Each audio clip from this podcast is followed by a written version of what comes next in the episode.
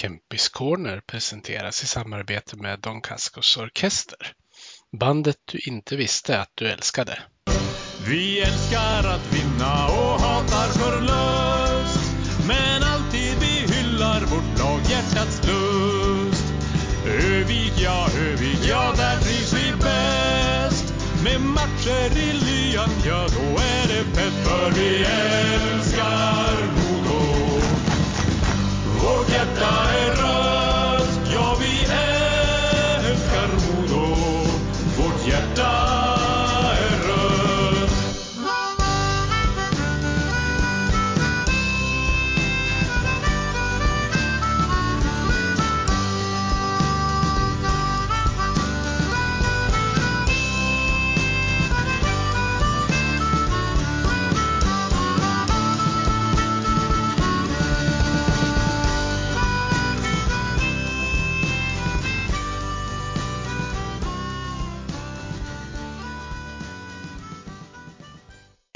välkomna ska ni vara till eh, Kempis Corner som vanligt med mig Peter Kempe och vi har kommit till det 48 avsnittet nu. Och som gäst i dagens avsnitt så är det Andreas Johansson, en, eh, en riktig hockeyprofil som är med och gästar. Välkommen till podden Andreas! Ja, men tack så mycket. Jätteroligt att ha dig med.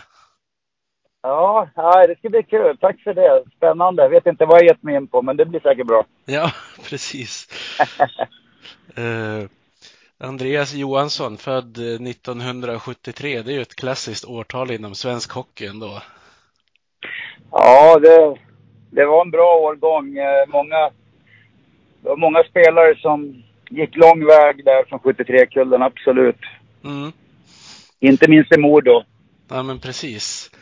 Eh, Eftersom det här är en Modopodd så har jag två frågor som jag brukar ställa till mina gäster till att börja med. Så vi stökar väl av dem på en gång. Eh, Ja, det går bra.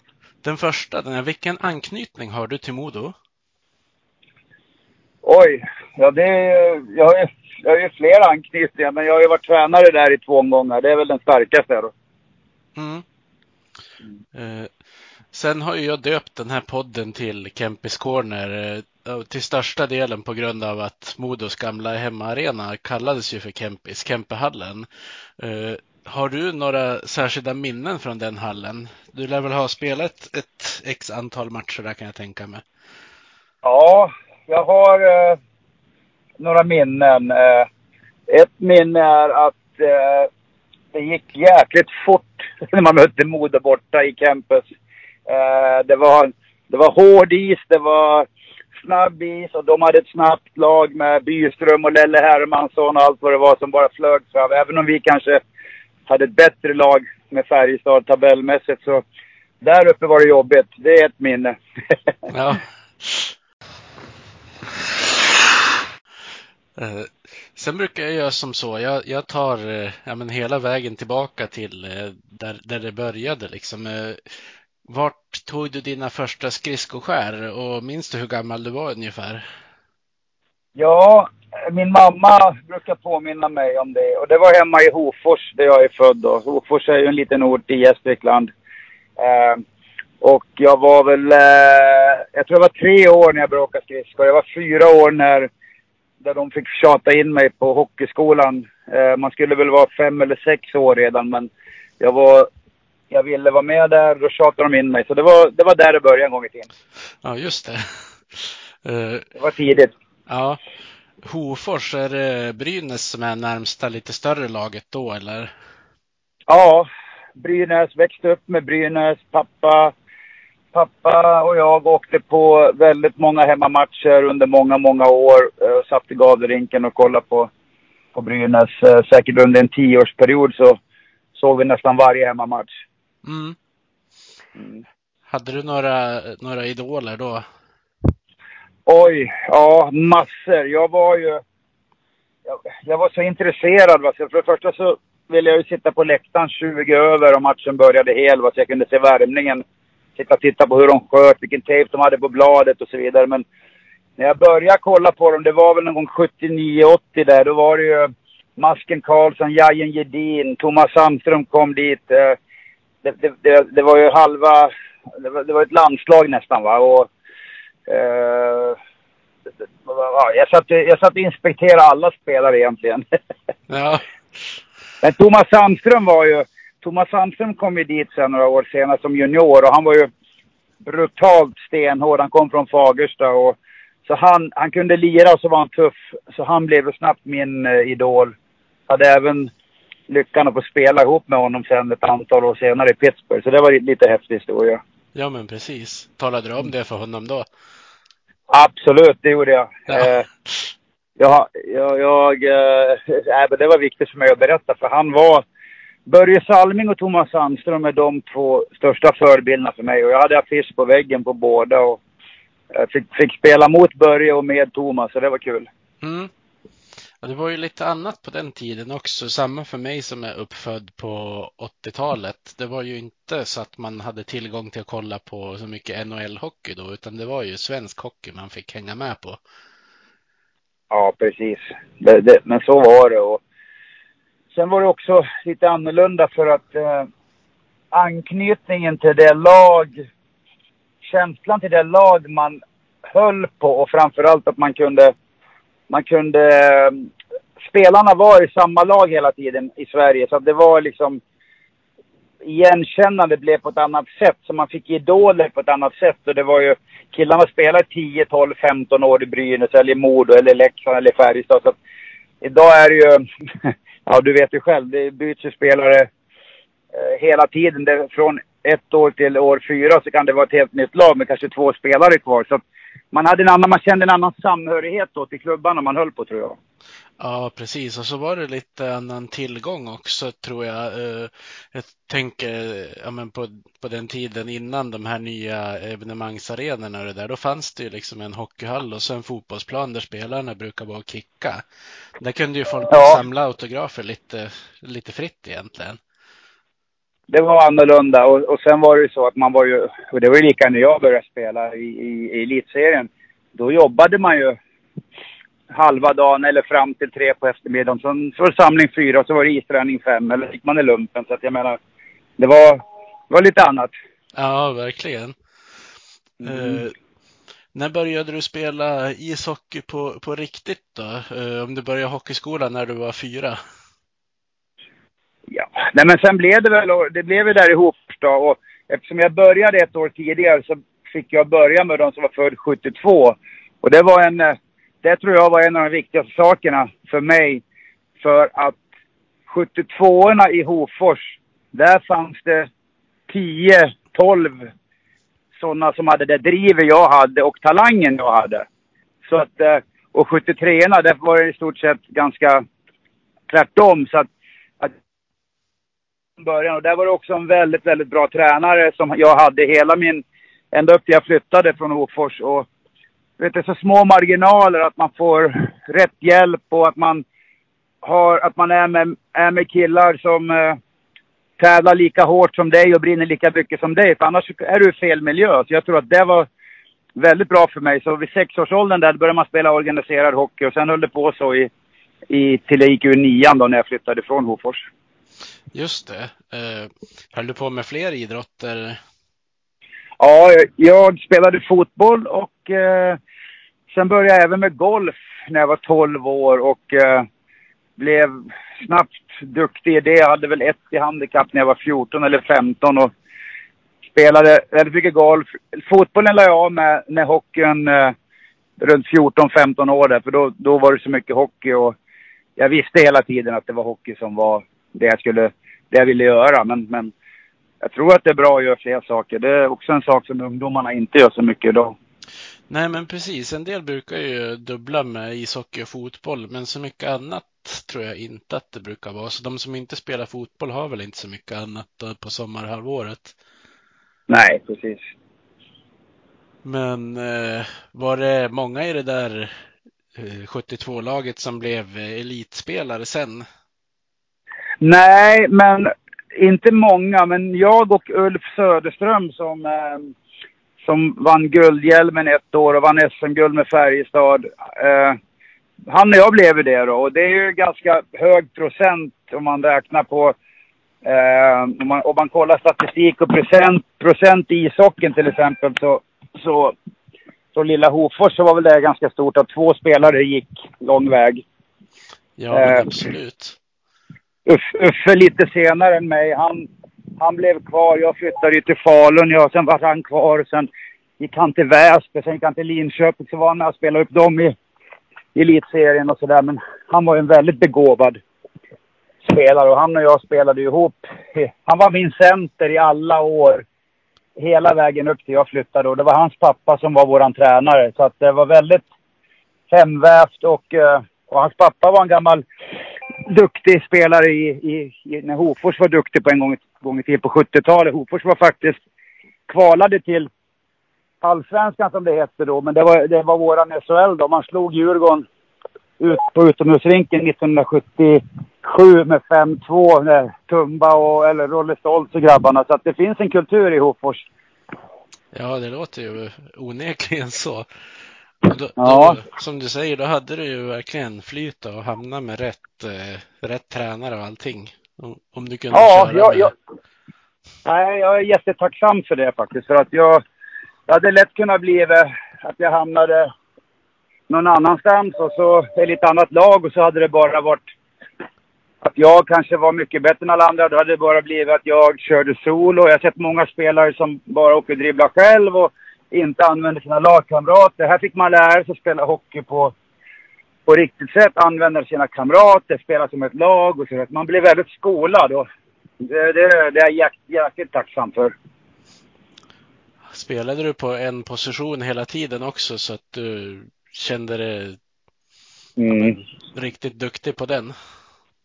Ja, jag fick ju, på den tiden, då var jag en, jag var en snabb ytterforward som låg på rulle lite och gjorde massa, massa mål. Och det var väl 90 procent av målen jag gjorde spelade upp för Söderström fram till. Så att det var ganska tydliga roller. Han var center. Och, Ja, eh, ja, så att eh, det passade mig bra då. Jag var, nog, jag var lite lat också. Så att säga. Jag jobbade inte så mycket utan pucken som jag gjorde med pucken. Och det, när jag blev äldre, lite konstigt, då var det mitt signum lite grann att jag jobbade oavsett, oavsett vad jag, vad jag hade för position. ja. Men det, det har väl blivit lite vanligare också med tvåvägsspelare de senaste åren jämfört med kanske hur det har varit längre tillbaka.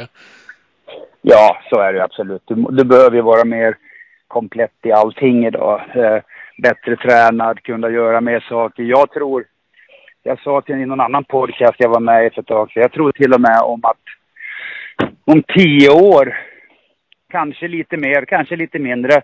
Jag tror inte att det, jag tror inte att det kommer att vara helt främmande för att vi har fem, fem spelare på plan och alla kan spela på alla positioner. Om du kollar på Cale McCarr så skulle han lika gärna kunna spela på McKinnons plats lika väl som att han är back. Va? Och jag tror att det går åt det hållet. Det, det tränas åt det hållet. Alla ska kunna åka framlänges, baklänges, sidor, vända, vrida, försvara, anfalla. Så att eh, vi kanske bara har fem spelare i inga positioner snart. Man vet. Ja, precis. Kanske en som är lite bättre på att teka bara då. ja, eller hur? Och, och, och kanske en som är lite bättre på att stå mål också. Så det blir sex spelare. ja, men precis. Ja, men du har säkert rätt för man märker ju vilken skillnad det är på skridskoskickligheten också på backspelare nu jämfört med de jag såg när jag växte upp och kollade på tv och sådär. Ja, visst, visst. Ja, det är en, det är en enorm skillnad och det är en enorm skillnad bara på, på den tiden som jag spelade. Så, så det, och hockeyn har ju förändrats också. Så då har ju spelarnas träning förändrats och de ser lite annorlunda ut i kroppen mot vad vi gjorde också. Vi var lite mer stabbiga vi och de här klassiska hockeyrumporna. Idag ser hockeyspelarna många, de ser, de ser ut som fotbollsspelare, ganska smala faktiskt om man ska vara helt ärlig. Ja, men precis. Det är ju det syns kanske inte på alla bakom alla utrustningar, men det, du har rätt i sak. Ja, det har blivit. Men det, men det är för att spelet har förändrat sig och det är snabbare och allt. Det, det är inte så konstigt. Nej, men precis. Men du gjorde ju något, jag vet inte om man ska kalla det mellansteg i, i Falu IF ser jag, innan du hamnade i Färjestad. Kan du inte berätta lite grann om dina juniorår? Ja, ähm, jag, ähm, jag spelade ju aldrig juniorhockey i stort sett överhuvudtaget. Jag, eftersom jag var i Hofors och så debuterade jag då i A-laget i Hofors som 14-åring. Eh, och som 15-åring, alltså det året jag gick i nian, då spelade jag fullt ut. Och det kan man ju säga då, det är dagens division 1 då, som var division 2 då. Så, Mm. och när det blev dags för mig då, när jag hade gått ur nian och jag skulle välja vad nästa steg var så... Då var jag runt. Jag var ju, jag var i Örnsköldsvik flera gånger. Det var väl det... Modos Hockeygym var väl det som låg närmast. Det, det var Melinder och Kent Forsberg som ville absolut ta upp mig dit. Men... ehm, jag var till alla lag i hela elitserien, men jag var redan inne i seniorsvängen och då därför kändes det rätt att åka till Falun som var då division 1-lag. På den tiden hade man ju division 1 norra och division 1 södra. Det var som två serier va. Och eh, Anders Kaller som jobbade för New York Islanders var involverad i Falu IF. Och det är bara tre och en halv mil från Hofors och han skräddarsydde ett program i skolan. Så jag var en elev som gick på hockeygym och så tränade jag med han. Sju på morgonen tränade jag på is med honom och så gick jag ner till skolan och var i skolan fram till eftermiddagen. Sen tränade jag med A-laget på kvällen. Så att jag fick ett special program där. Så det, det, så det blev inga junior, det blev inga juniormatcher för mig utan det blev senior hela vägen då. Mm. Eh, ja, så jag var där i två år och sen eh, köpte Färjestad mig. På den tiden så köpte man spelare så det fanns ju... Idag finns det ju inget sånt va. Så de...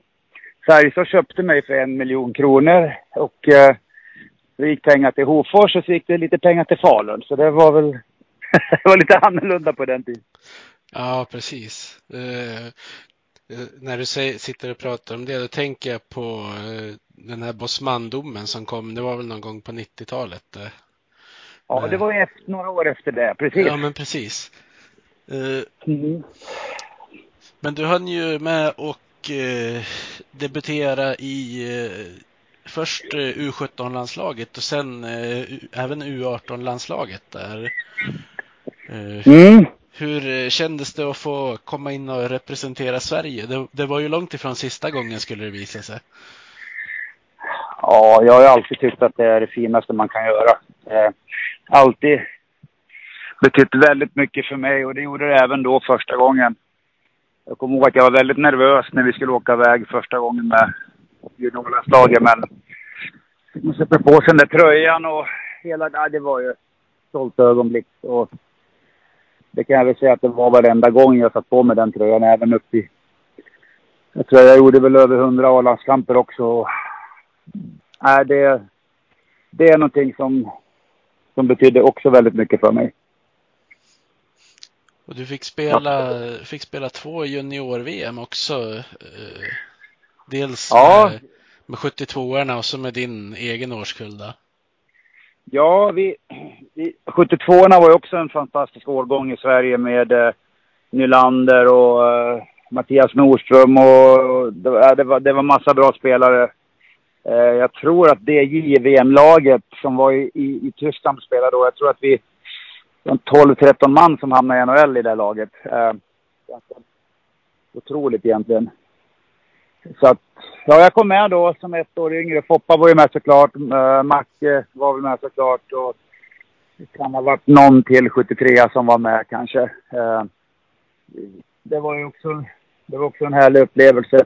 Det året var ju Uh, Kanada hade Erik Lindros och så. Ryssarna hade eh, Yashin och Kovalev och alla lagen var ju sjukt bra. Vi tog silver. Eh, året efter däremot när vi spelade i Gävle, då låg ju guldet öppet för oss. Det var ju då Peter och ja, framförallt Peter var ju helt sinnessjukt bra. Eh, men då, då lyckades vi inte prestera en match och det var mot Kanada och vi fick stryk med 5-4. Och på den tiden var det en rak serie med matcher. Så att eh, man hade inte råd att förlora en match. Det var liksom inget slutspel va. Eh, så att det sved, för det var hemma i Gävle också. Det var fullsatt och allting. Så att, men det var, det var en upplevelse. Ja, det är ju många klassiska hockeynamn där. Förutom Peter och Marcus som du var inne på så var ju Niklas Sundström med och Kenny Jönsson var med, Magnus Wernblom, Fredrik Bremberg. Ja, alltså he, Mats Lindgren. ja, i hela, hela gänget nästan är ju svensk hockeyadel så att säga. Ja, det, men det var, det var några bra, riktiga bra årgångar där och många som blev NHL-spelare också. Så att det var, ja det var unikt. Eh, Men, eh, men lik förbannat vann vi inte. Nej, precis. Det måste ha varit lite surt när man hade chansen på hemmaplan också. Ja, vi var ju så sjukt överlägsna alla matcher. Jag kommer inte ihåg alla resultat, men det var ju inte ett lag som hade en sniff mot oss. Men just den matchen mot Kanada, då mentalt så föll många spelare igenom den matchen. Ja, Mm du har ju varit med i, som du sa själv, eh, ja, men, rätt så många landskamper och en, en del av dem har, har ju varit mot just Kanada också. Och, och har, det- har det varit liksom speciellt att möta dem? Vet man att de ska ja, men, tugga på och kanske spela lite fulare än andra lag brukar göra? Ja, jo, framför allt. Framför allt så handlar det om att göra allt för att vinna. Eh, och det är klart att de ligger på gränsen och sådär och de hittar vägar och de... Eh, sen har det varit någon incident, någon, jag menar vi hade VM-finalen i Tjeckien där när Foppa blev tacklad i ryggen när vi ledde. Eh, och sen föll vi igenom som lag. Eh, ja, jag vet inte riktigt. Personligen så har jag aldrig varit rädd för att möta kanadensare eller så, men eh, de bygger ju upp sig själva lite så. De, de, de har ju den här kaxigheten som är ganska osvensk. Men I Sverige får man ju inte, Sverige får man inte sticka ut va. Då är man ju, då är man ju ödmjuk. Eh, de, eh, när de kommer in i korridoren innan match, då är det högsta volymen på. De sätter upp här affischer i hela korridoren när de byter om. Canada's going for goal liksom. Och de, de går där upprustade och de tror på det de gör. Och jag, jag kan gilla det på något sätt. Och där tror jag vi kan, när vi kommer in där ibland så här och ser det här och så blir vi lite intimidated och oj, vad är det här liksom? Wow! Fast, det inte är, fast egentligen är det ingen fara. Det är bara människor som står på skridskor som inte är starkare eller tuffare än oss egentligen. Men jag tror att det har tagit psykologiskt övergrepp ett antal gånger i historien, absolut. Ja, det låter ju inte omöjligt. Nej. Särskilt när de spelar på hemmaplan kan jag tänka mig också. Ja, då är det ju, då är det, då är det psykkrig på riktigt. Då kan det vara så att man inte får så, då är det plötsligt avspärrat 500 meter in i arenan, inga bussar va, så får, får man gå till arenan och sådär. Eller airconditionen börjar sluta på hotellet, det har jag varit med om också. Men ja. det är ju, det är då det gäller att bita ihop och inte visa att man, att, att, det, att man blir påverkad av det, utan man får bli tändvätska istället. Ja, nej, men precis. Man har ju, man har ju hört det där da da Kanada, njet njet Sovjet bland annat. Eller hur? ja, nej, men det, det är klart att de har ju vinnarskalle. De är uppvuxna på ett sätt och de, de kör hårt och de går hårt på mål och sådär. Och vi, vi har en annan kultur och ett annat upplägg och ja, jag tror man har fått man får, det har vi fått jobba med många gånger för att övervinna det spöket. Jag tycker väl allt idag att det, det är väl borta för att hockeyn i Nordamerika ser annorlunda ut också mot vad han gjorde förut. Den är mer skills och skicklighet idag än kämpa och vara tuff. Ja, men precis. Det är ju sällan man skulle se men, kanske spelare som Sidney Crosby och Connor McDavid komma och sätta en tackling, eh, en crosschecking i ryggen på en motståndare till exempel. Sen, Nej, exakt, exakt. Det, det är väldigt sällan. Det, det enda problemet, och det är lite kul att du tar upp det, för att jag kan gå till finalen i eh, Prag där då när vi... De hade ett sjuhelskottat lag och vi hade ett jäkla bra lag med Lidas och Foppa och och så kommer det tacklingen. Det enda jag tycker vi gjorde fel då, det var att vi inte stod upp. Utan våra budskapet vi fick då, det var nej, ta inga dumma utvisningar utan sätt er och var lugna. Där borde, där, I de där lägena då borde, måste man stå upp. Eh, kanske ta en utvisning, visa att oss går inte att köra med. Och jag tror att det var därför vi förlorade den matchen, om jag ska vara helt ärlig. Vi vek in kepsen och satte oss på bänken bara och, och lät dem ta kommandot. ja, det kan säkert stämma. Ja, det är min åsikt i alla fall. Sen om den stämmer eller inte, det vet jag. Jag satt i alla fall där på bänken och tänkte det då också, kommer jag ihåg. Ja, nej men det, det var ju som du säger, då ger man ju dem ett övertag också. Plus att om, om man själv tänker att man inte ska göra någonting dumt så blir det väl lätt att man spelar på 90 procent också. Ja, du tappar ju lite momentum där. Så att, men eh, ja, det är lätt att vara efterklok också. Ja, visst. Mm. Eh, men du blev ju NHL-draftad 1991. Eh, men du spelade ju kvar i, i Sverige några år innan det blev eh, aktuellt att, att flytta över. Hur, mm. hur, hur kändes de åren i Färjestad och hur gick dialogen med NHL-klubben? Ja, det är också så länge sedan. För det första så hade jag inte ens en agent. Eh, utan på den tiden så fanns det två, två agenter egentligen på marknaden. Och det var Don Mean och Don Basley, två nordamerikanska. Och de, det var de man skulle vara med. Jag eh, vart ju draftad i sjunde rundan. Jag var nog rankad högre. Men sen hade jag någon skada där och så. Och jag hade lite ryggproblem så det fanns väl lite frågetecken. Så jag vart ju draftad sent. Så egentligen så fick jag läsa ett Eller pappa ringde bara och sa att jag blivit draftad. Jag fattade ingenting. Och sen eh, kom det någon keps i, i brevlådan från New York Islanders. Och stod det ett brev att jag skulle vara där i juli på, på Rookie Camp. Och så, typ så var det. Men dialogen i övrigt, det var ingen dialog i övrigt egentligen. Utan jag eh, hade nyss flyttat till Karlstad, skulle försöka slå mig in i SHL. Färjestad var ju... Färjestad och Djurgården var ju två dynastier då, så Färjestad hade ju halva landslaget med, med, med forwards. Så, så jag hade fullt sjå att jobba mig in där. Jag var väl med alla matcher första året, men jag, men jag spelade ju inte så mycket. Eh, år två så fick jag spela mer och slog väl mig in på ett mycket bättre sätt. Och sen, sen år tre eh, så eh, slog jag väl igenom lite grann och började komma in i det helt enkelt. Det, det tog ett par, par, tre år där innan man var inne i, i, i spelet i SHL. Och, och då hade jag ju möjlighet efter år tre då när jag var 20, skulle fylla 21 år. Då hade jag möjligheten att åka över. Men då tyckte både jag Eh, och de runt mig att ett år till hemma. Eh, så jag signade ett år till och så fick jag runda av det med VM i Globen och gick jättebra. Och så, sen då signade jag ett riktigt NHL-avtal efter det. På, mm. på, på sommaren. Mm. Hur förberedde du dig för att åka över och spela i Nordamerika? Då? Eh, vad hade du för förväntningar? Ah, alltså... Det, förväntningar... Det var, det var så... Det var så stort för det första. Eh, att, att jag skulle spela i NHL. Så jag hade ju skrivit på vilket avtal som helst utan att titta vad det stod i det. Det, det, det var ju liksom bara... Jag kommer ihåg Håkan Loob hjälpte mig med papperna så att han hade ändå varit där borta. Så vi var, vi var på Färjestads kansli och så kom det på faxen då typ 40 sidor papper va.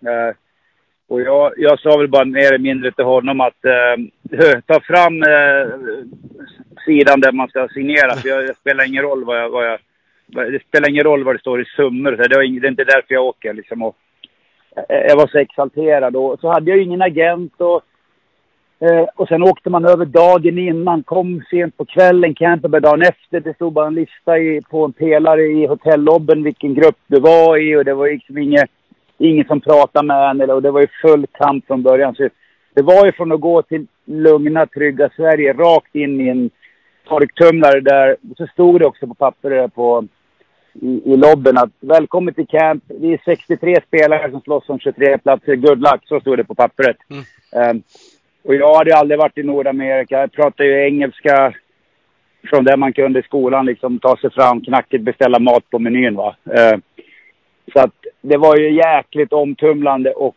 jobbigt första tiden, det måste jag säga. Och det var en hård miljö och man blev testad som europé. Och, eh, så jag var ju noll förberedd. Idag jobbar jag ju som agent och förbereder unga spelare på det här själv. Och de får ju en helt annan... De är förberedda på allt egentligen när de kommer över. Jag var väl förberedd på noll egentligen, om man ska vara helt ärlig. Mm. Sen kanske det är lite mer eh mer strukturerat än det låter att det kanske var på den tiden du åkte över. Ja, ja, det är mycket mer strukturerat idag. Eh, men, och det var ju så då, ja, men, samhället var ju så överhuvudtaget då. Då skulle man klara sig på två ben och man fick ta sig en väg fram. Och, eh, det var tufft att landa där borta, ta sig upp till Kanada själv där träningsläget skulle vara. Ta en taxi från flygplatsen själv till Kitcheners hotell där och läsa på den där lappen. Visste inte. Och du hade inga svenskar i din grupp. Liksom, så här, materialan sa knappt hej när du kom på morgonen. Men det, det, var, det, var, det var inte helt smärtfritt, det måste jag säga. Nej, men jag kan tänka mig att du fick mycket lärdomar med det istället.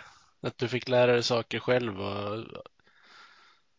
Jo, det, så var det nog. Och eh, jag tror att jag hade fördel av att jag växte upp i en liten bruksort. För jag fick alltid, jag spelade med de äldre, jag fick alltid ta för mig själv. Både i skolan och på, på rinken och i övrigt. Och det var jantelagen styrde och var man duktig på någonting då skulle man tryckas ner och inte tro att man var duktig. Va? Så att, jag tror att jag var rätt hårdhudad redan då. Det var det som räddade mig. För jag hade ett helvetes första år. Med, med en allvarlig ansiktsskada, operation och grejer. Så att istället för att ge upp då så hittade jag någonstans en styrka och, och, och, kör vidare. För mig fanns det inget annat än att lyckas spela där borta. För annars hade jag ingenting. Så att så var det för mig.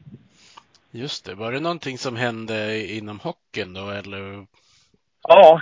Eh, jag vart ju nedskickad till farmarligan där fast jag hade en jättebra camp. Eh, det var väl jag och Sigmund Palfer som gjorde mest poäng och men då var det politik då det här med kontrakt och jag hade ju så kallat tvåvägskontrakt och, och då skickade de ner mig, jag hamnade i farmarligan. Eh, och där hamnade jag med ett gammalt en gammal coach som var väldigt old school och ville bara ha tuffa spelare, alltså sådana som slogs. Och jag var ju inte, jag, var, jag har ju aldrig varit en rädd spelare, men däremot har jag aldrig slagits. För det, ju, det ligger inte heller inte i vår kultur här hemma. Eh, men till slut så var jag tvungen att göra det för att jag fick inte ens spela i American Hockey League. Jag satt på läktaren tror jag tio matcher i rad, ej ombytt i AHL. Som eh, Tre Kronor-spelare och det var ju... Då var det också nära att man shit, kastade in handduken. Men då bestämde jag mig för att jag har en sak kvar och visa honom att jag duger och det lära mig slåss. Så att jag, eh, jag tränade, eh, jag tränade med eh, våran fighter efter träningarna några veckor och sen bestämde jag mig för att jag skulle fightas en match. Och första fighten gick bra, andra fighten gick sämre och jag tappade greppet och fick en riktig uppercut och bröt sönder hela okbenet under ögat. Och man fick, ta, man fick ta bort mitt okben och sätta in skruvar och jag förlorade syn på ögat. Och, nej, det, var, det var nära jag fick lägga av faktiskt. Det var mitt rookieår. Eh, så då hade jag ett uppehåll på tre och en halv månad efter operationen och återhämtade mig från hjärnskakning och massa saker. Så det var välkommen till USA. Hur har du det med ögat idag då? Är det påverkat av det där? Ingenting jag har tänkt på, men det visade sig senare i karriären när jag gjorde testerna att jag hade 30 procent nedsatt syn från, från vänster sida. Och faktum är att mina hjärnskakningar jag fick, mina smällar, alla de smällarna var från vänster sida. Så det påverkade nog mig ganska mycket i slutet, eller resten av min karriär om man ska vara helt ärlig. Ja, just det. Har du haft många Men, hjärnskakningar? Det, ja, det har jag säkert, men det dokumenterades ju inte då. Den enda som dokumenterades för mig, det var när jag fick i Nashville. Och då var jag borta väldigt länge, men jag hade ju antal när jag var helt släckt innan det, både i Sverige och i Nordamerika. Men det var ingen dokumentation på det, utan då sa man bara att ja, när du inte har ont i huvudet och det ringer inte öronen längre, då kan du ut och köra. Och det gjorde man det. Ja, det var väl väldigt mycket gråzon då kan jag tänka mig. Ja. Ja. Ja. Nej, det var... Ja, det var en annorlunda tid. ja. Eh, men säsongen efter då, då blev du ju eh, tradad eh, tillsammans med Darius Kasparaitis till Pittsburgh.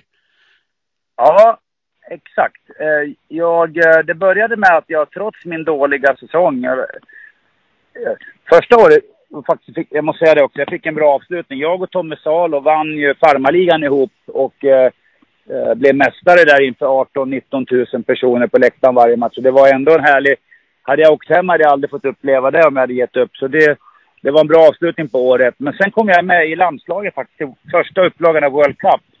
Mm.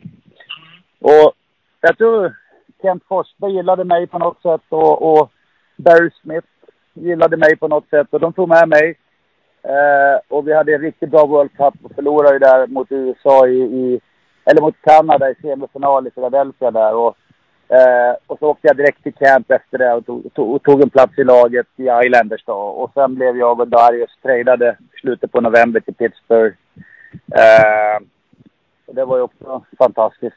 För det var ju komma från ett ungt lag som fick stryk nästan varje kväll till att komma till ett, ett, ett, ett, lag med bara stjärnor nästan. Så att jag var där i Pittsburgh i ja, två säsonger nästan. Ja, precis. Uh, var det World Cup som uh, Tommy Söderström fick, fick något skott i masken som gjorde att han började blöda? Eller, eller var det någon annan Nej, turnering? Det, det, var, det var Canada Cup. Det var, det var 91 Canada Cup. Det, det här var, det här var 96 det här World Cup, första upplagan av World Cup. Eh, vi förlorade mot, eller mot Kanada i Philadelphia i femte perioden. Eh, de gjorde en bragdmatch mot dem. De hade Gretzky, eh, Lindros, hel, hela faderullan och vi... Men eh, vi lyckades inte vinna då. Så det, det, var, ja. Men det var då i alla fall. Ja, just det. det det året som Peter Forsberg eh, gick runt målvakten och sköt in från minimal vinkel, ja. Ja, först, först vi mötte ju Finland i Globen och först gjorde ju... Först gjorde ju... Nej, men först gjorde ju Mats Sundin ett drömmål mot ja, Finland. Precis.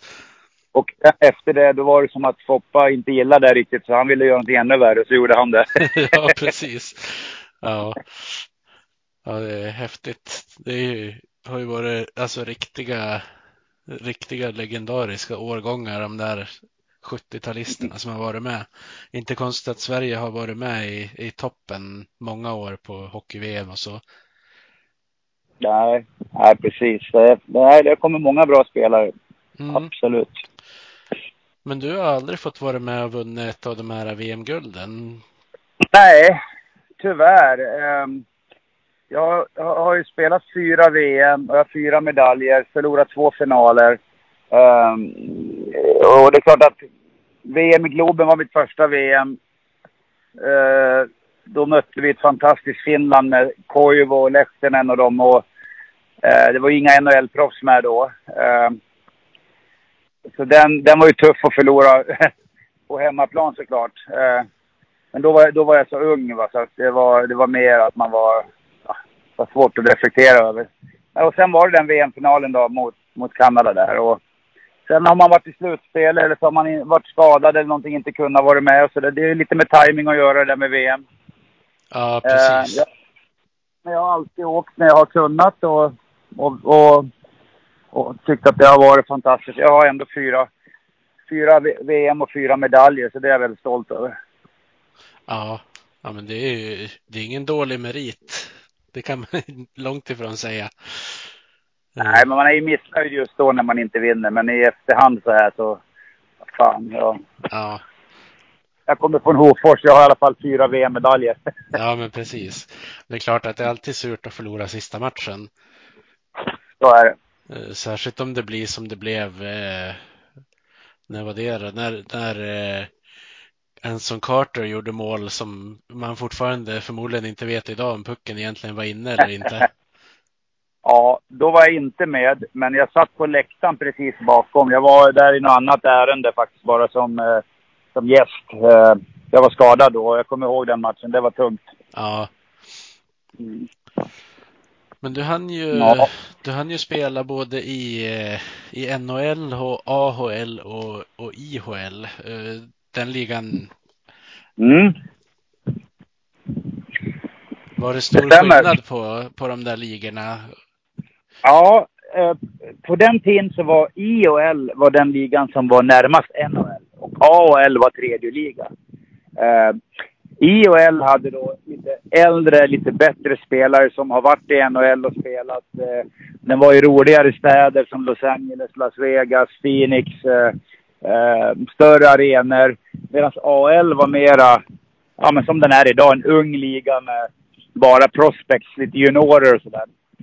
Så att jag började i AL och det var där jag var med om det här när jag, när jag, när jag slogs och gjorde mig illa och hade en dålig upplevelse. Och sen när jag kom tillbaks från den här ögonskadan då vart jag flyttad till IHL för tränaren där. Han i Salt Lake, Butch Goring som, som var med och vann fyra Stanley Cup med Islanders. Han, han gillade mig så mycket från campen så han sa låt Andreas komma ut till mig istället ska jag hjälpa honom det här året. Och, och ja, och det var där vi vann då. Och, så det var, jag hann med alla tre ligorna. Jag gjorde någon NHL-match där på slutet av första året också. Så att, eh, ja.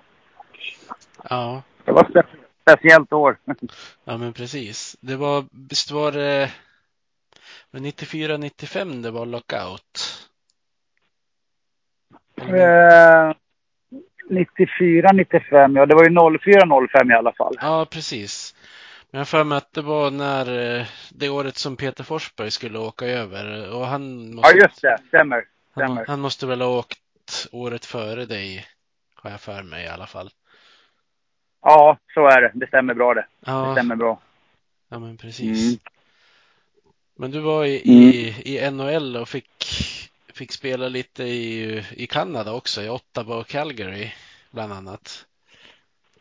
Ja, ehm, jag, efter Pittsburgh så blev jag ju free agent och då hade jag gnatat på ganska hårt, inte hittat min identitet riktigt. Det var ju tufft i Pittsburgh för det var ju, som sagt, det var inte lätt att slå sig in topp 6 forward och spela powerplay där. Så då, där blev jag ju enbart en spelare för tredje och fjärde kedjan och väldigt lite istid. Och jag kände att äh, jag, jag måste få chansen nu någonstans och eh, spela mitt offensiva spel. Och då skrev jag, fick jag ett kontrakt i Ottawa eh, med, med väldigt låg lön. Men det hade inte skett samma. Jag fick en möjlighet. Det fanns en lucka för mig där. Det var jag och två till som skulle slåss om en eh, plats i topp 6. Så att jag, den sommaren kommer jag ihåg jag körde helt maniskt mycket. Och jag, jag, jag trimmade ner mig ytterligare 3-4 kilo. Så jag, jag kom till campet. Jag gjorde sju, sju mål på åtta träningsmatcher och tog en tröja där. Och fick spela sen topp 6. Eh,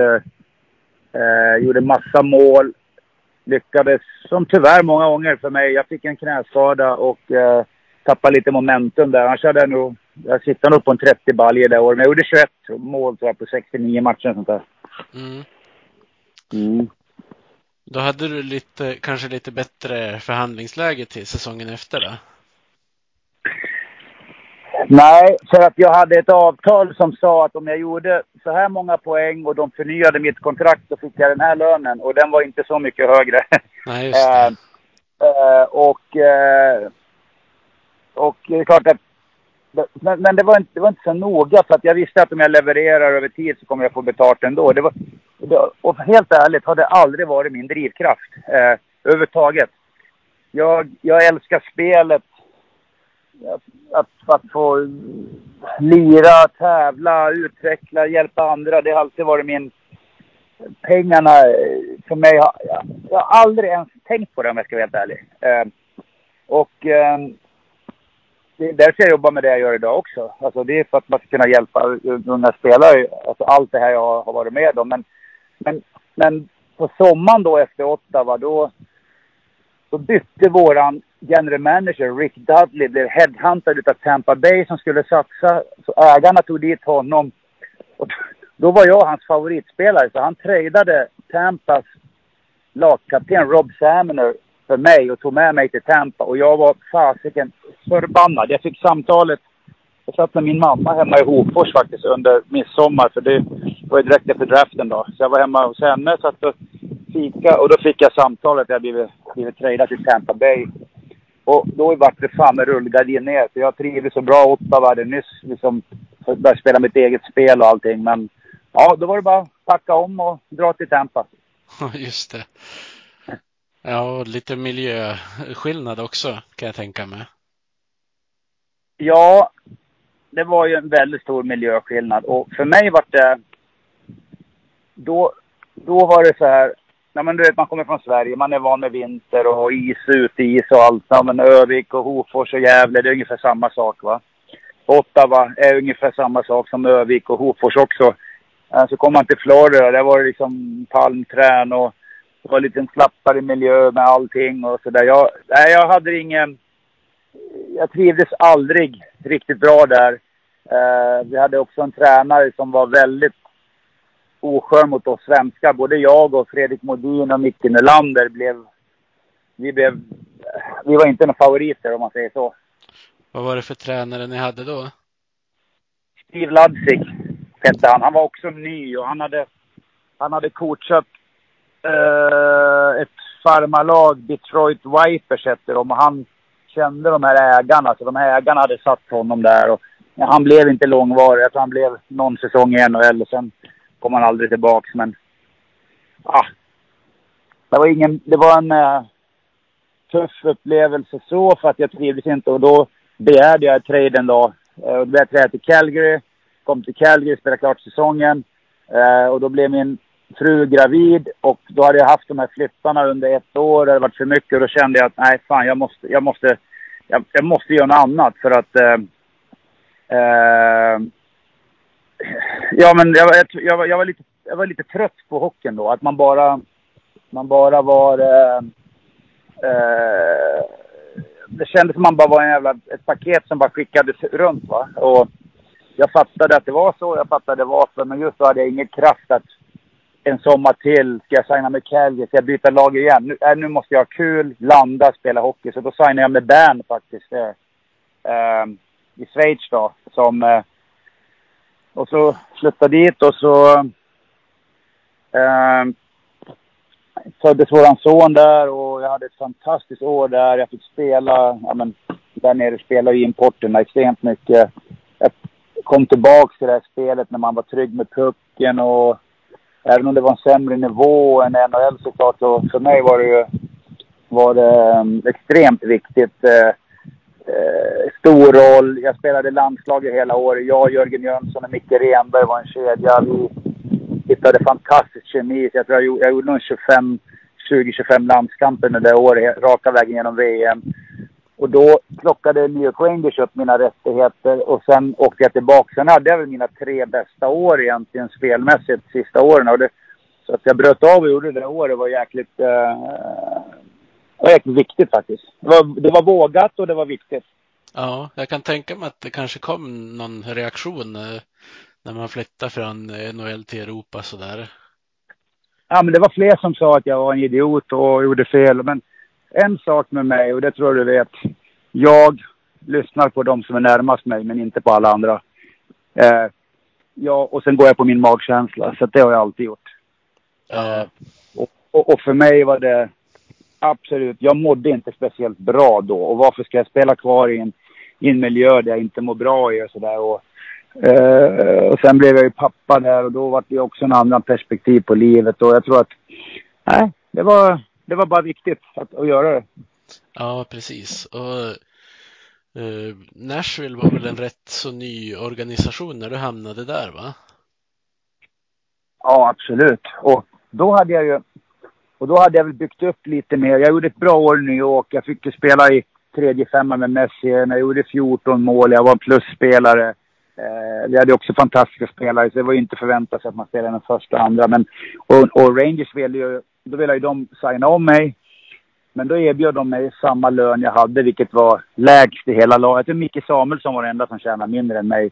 Och jag var ju långt, om man kollar på det jag gjorde, så var jag långt underbetald. Det var väl första gången i min karriär som jag egentligen, nej, nu ska jag fan, jag ska inte bli överkörd i förhandlingarna mer. Och då, då sa jag till Glenn Shader där att du, du, får, du får dubbla min lön om jag ska vara kvar. Uh, jag kommer fortfarande vara nästan sämst betald av alla forwards. Uh, och det, ville han inte göra. Och, och då var jag free agent och eh, då visste vi att LA ville ha mig. Vi visste att Nashville ville ha mig. Washington ville ha mig.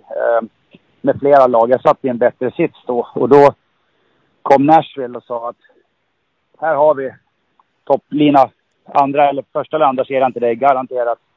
De sa, vi, vi ser på dig så här och de sa helt rätt saker. Och, och eh, flyttade dit och skrev faktiskt på kontrakt som eh, var exakt samma lön som jag hade i New York. Så jag fick ingen mer lön, men, men möjligheten var mycket större för mig. Och, gjorde ett jättebra år där och återigen fick jag en tuff skada. Eh, som eh, satt lite käppar i hjulet både första och andra året. Det var då jag hade min långa hjärnskakning. Eh, men eh, jag var jävligt bra när jag spelade och två, två härliga säsonger och sen eh, kom lockouten.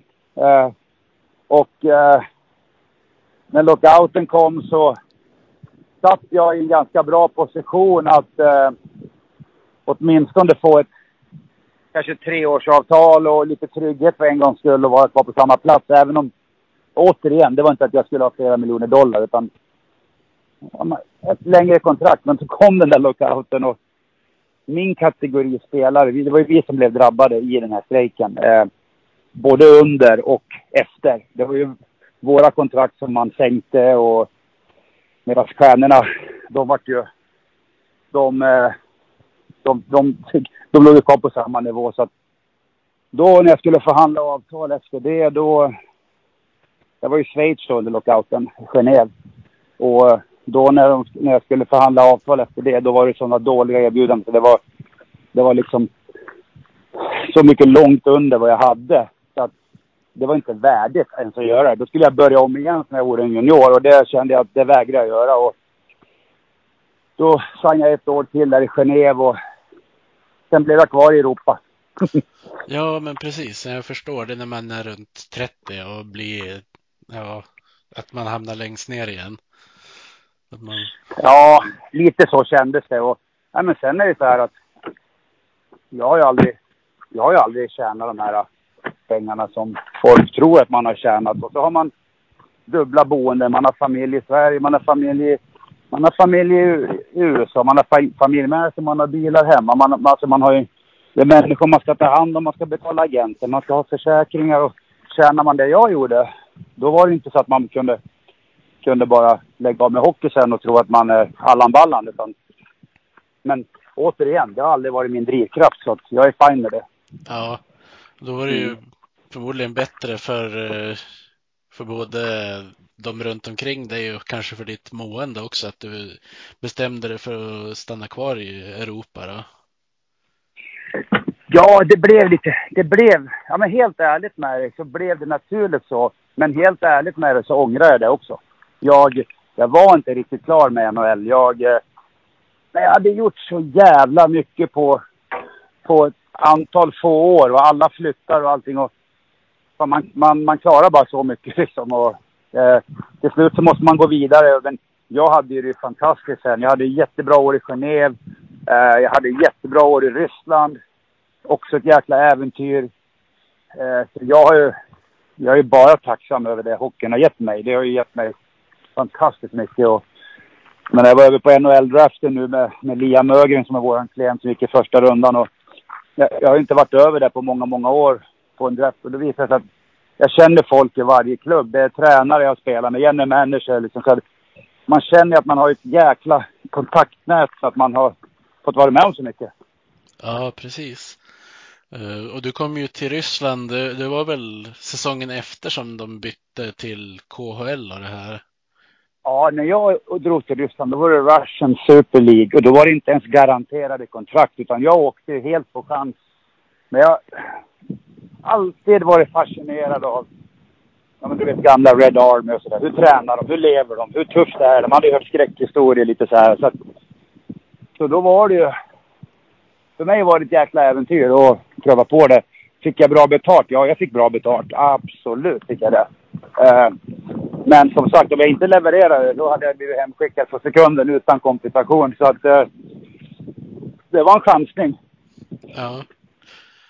Men rent hockeymässigt gick det väl ändå hyfsat bra? Ja, men det gick väldigt bra. Eh, det gick väldigt bra. Tränade ju extremt mycket och hårt, så jag var otroligt vältränad. Eh, jag trivdes bra. Jag var ju i Sankt Petersburg också, så jag var ju i en, var en väldigt bra stad. Va?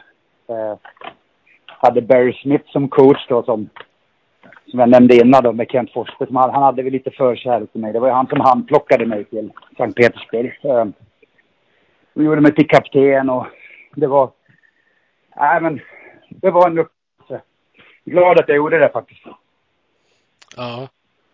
Och sen, eh, visst fick du någon, någon fotskada som gjorde att du inte kunde spela på ett tag efter det? Eller minns jag alldeles galet? Ja. Eh, andra året, eh, jag, jag, jag, jag resignade ju ett nytt kontrakt med Sankt Petersburg. Och eh, andra året är vi på träningsläger i Finland. Och vi kör stenhårt och det är mycket löpning och, och allting går bra. Så en natt när jag ska gå upp på, på toaletten så bara viker sig min fot och alltså det kändes som någon såg av benet på mig. Och jag bara sa till min rumskompis, nu ring doktorn och då eh, svullnade fotknölen upp och ja, jag flög till Sverige. Då hade jag tur att Igor Larionov var våran GM då, så han lät mig åka hem till, till svenska, till min läkare i Sverige. Ja, min Tre Kronor-läkaren åkte jag till då. Och gjorde en röntgen då på Södertälje sjukhus då, och då visade det sig att all brosk i min fotled var trasig. Och, eh, och mer eller mindre fick väl domen att jag aldrig mer kan spela hockey eh, då. Men jag var inte klar och eh, fick ta en timeout. Hela den säsongen gick åt rehab efter operationen och eh, mer eller mindre tränade, tränade, tränade och åt bra. Tänkte väl att det, det som ligger då när man inte har något brosk i leden i foten, då ligger det ben. Alltså man kan säga att smalbenet går rakt ner på foten utan någon led nästan va. Så det ligger och nöter ben mot ben va. Eh, och jag försökte göra min kropp så lätt som möjligt och sådär och göra, försökte mig på att komma tillbaka under säsongen en gång men det gick inte. Och, och, och då efter det året så då visste jag inte vart jag skulle ta vägen. Men jag var absolut inte mentalt redo att lägga av. Utan jag försökte allt. Jag var, var till någon läkare i Tyskland. Jag var där, jag var där, jag var där. Och, eh, sen när jag var på hockey-VM i Bern och jobbade för... Jag jobbade ju för TV3 och via, via satt förut. Då... Då eh, kom Bykov som var förbundskapten i ryska landslaget till mig och han hade tagit över då Salavat Jolajev som storklubb i Ryssland och de skulle satsa ännu hårdare nu och han sa att han ville ha mig dit och jag sa men jag är skadad eller jag har varit skadad, jag känner mig fräsch nu. Ja men om vi gör ett avtal eh, när du, om det inte håller då, då får du åka hem, då inte, då inte vi skyldiga dig någonting och bla bla bla. Så, så jag skrev på det avtalet, åkte över, jag och Patrik Thoresen. Eh, och, och flög fram, jag var så vältränad, jag flög fram på isen och gjorde massa poäng på träningsmatcherna. Och så en dag fastnade jag med foten i isen och vred och då hade jag inget stopp. Alltså då var jag tillbaka på ruta noll och då var det bara att åka hem. Eh, kommer hem till Karlstad. Eh, som sagt, inte klar än men tar två, tre månader kanske jag börjar åka lite skridskor med kompisarna. Jag hoppade med, Färjestad hade ju ett farmarlag då som heter Skåre va. Eh, så jag hoppade med dem och tränade lite grann när de saknade någon så här bara för att eh, det var kul. Och sen fick Färjestad lite sjukdomar så då hoppade jag med dem och tränade. Och jag, jag var fortfarande bra så att jag kunde fortfarande vara en av de bättre där och sådär. Så och då ringde Leksand mig för de hade hört att jag var på is. Eh, och jag sa blankt nej. Jag sa att eh, jag, jag, jag, vet inte ens om jag kan klara två mål på träning. Jag har inte prövat men jag åker skridskor lite. Ja men kan du inte försöka? Jag sa nej igen och sen gick det någon vecka, två veckor, tre veckor till och jag kände mig stark och då gjorde jag en deal med Leksand att eh, ingen lön men eh, om jag håller och vi går upp i SHL då får ni ge mig en boende. Så jag åkte upp och jag var ju inte klar som du hör men, men min kropp var klar. Ja. och eh, det höll i två perioder eh, och, och sen vred jag till igen och då var det bara då förstod jag. Det här var, då ringde jag min agent och sa att skriv något memo att jag lägger av med hockey för att det här är, det går inget mer. Så, så där var det över. Ja. Du kände där och då att du, att du inte orkar komma tillbaka nej, det gick, till det? Nej, det gick. Jag, jag hade ju redan trotsat det läkarna sa till mig. Men jag vägrar ju acceptera att det var så illa. Eh, jag hade ju som sagt eh, ja men, fysio, jag hade gått emot det fysiologiska så hårt. Det gick inte. Det var helt omöjligt för mig att spela. Så att, men eh, då förstod jag att nu kan jag, jag kan inte hålla på så här och försöka, försöka, försöka. Det blir pinsamt och det gick inte heller. Nej. Nej. Nej. Så att eh, det var väl lite hårt, men samtidigt så... Jag spelade fram till jag var 36 år. Va? Jag hade en lång karriär ändå. Jag menar, man får vara tacksam för det. Så det tycker inte synd om mig själv nå någonting. Men jag hade nog spelat en tre, fyra år till. Det hade jag gjort. Ja, det var synd att du inte fick chansen att bestämma det där själv. Men tyvärr får ju inte alla det. Nej, det är en del av det. Så att eh, det, det, det är liksom... Man får alltid väga plus. Jag menar, du hör ju vi har pratat nu, allt jag har varit med om. Det är ju så mycket plussaker så att det väger över allt det som har varit negativt. Ja. Mm. Men du kände dig ju inte färdig med hockeyn överlag som det verkar eftersom du gick över till en ledarroll sen. Ja, jag hade inte tänkt att göra det.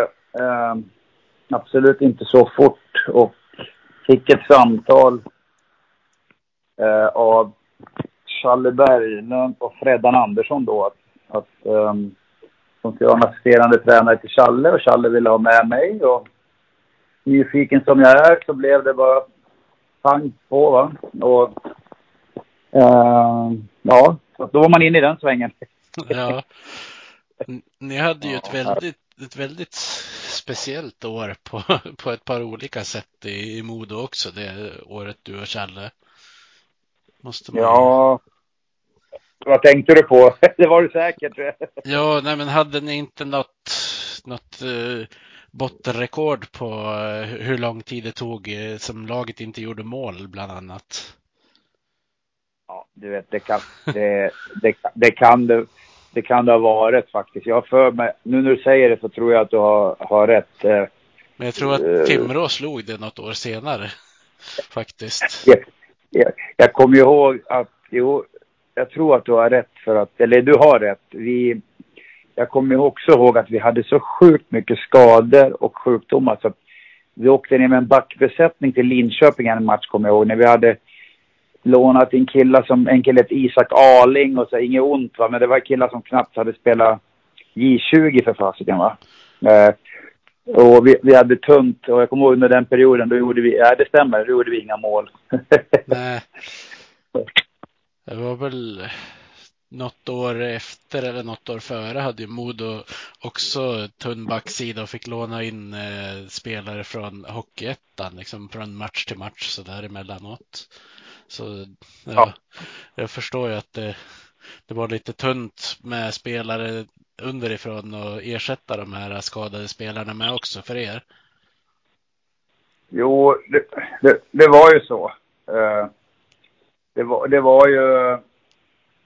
Det fanns ju det är precis som nu när man ska hitta spelare mitt i en säsong eller så, det är inte så lätt att hitta va. Och, men, eh, ja, nej men det var en ändå, vi, vi redde i alla fall ut stormen den gången, eh, precis på, på håret. Eh, slog Södertälje sista matchen hemma. Vi var väl tvungna att vinna de tre sista matcherna och vi kunde inte göra mål heller. Jag menar, vi, vi, vi dominerade matcherna där i kvalserien kommer jag ihåg och vi, vi hade svårt att göra mål. Vi förlorade back-to-back mot Växjö och då var det kritiskt läge. Sen lyckades vi ta oss samman och vinna tre matcher i rad. Örebro, Mora, Örebro och Södertälje sista matchen och så grejade det. Ja.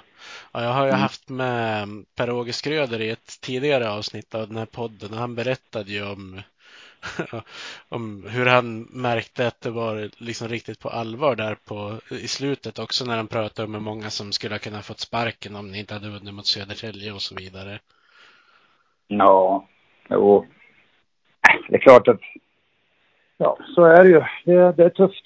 Det är tufft liksom. Jag var, du vet ju vad, vad som hände sen några år senare så att det, det, det är idrotten är tuff och det står mycket på spel ibland och ja. Ja, men precis. Det. Jag tänkte att vi ska komma till det om ett, om ett tag också.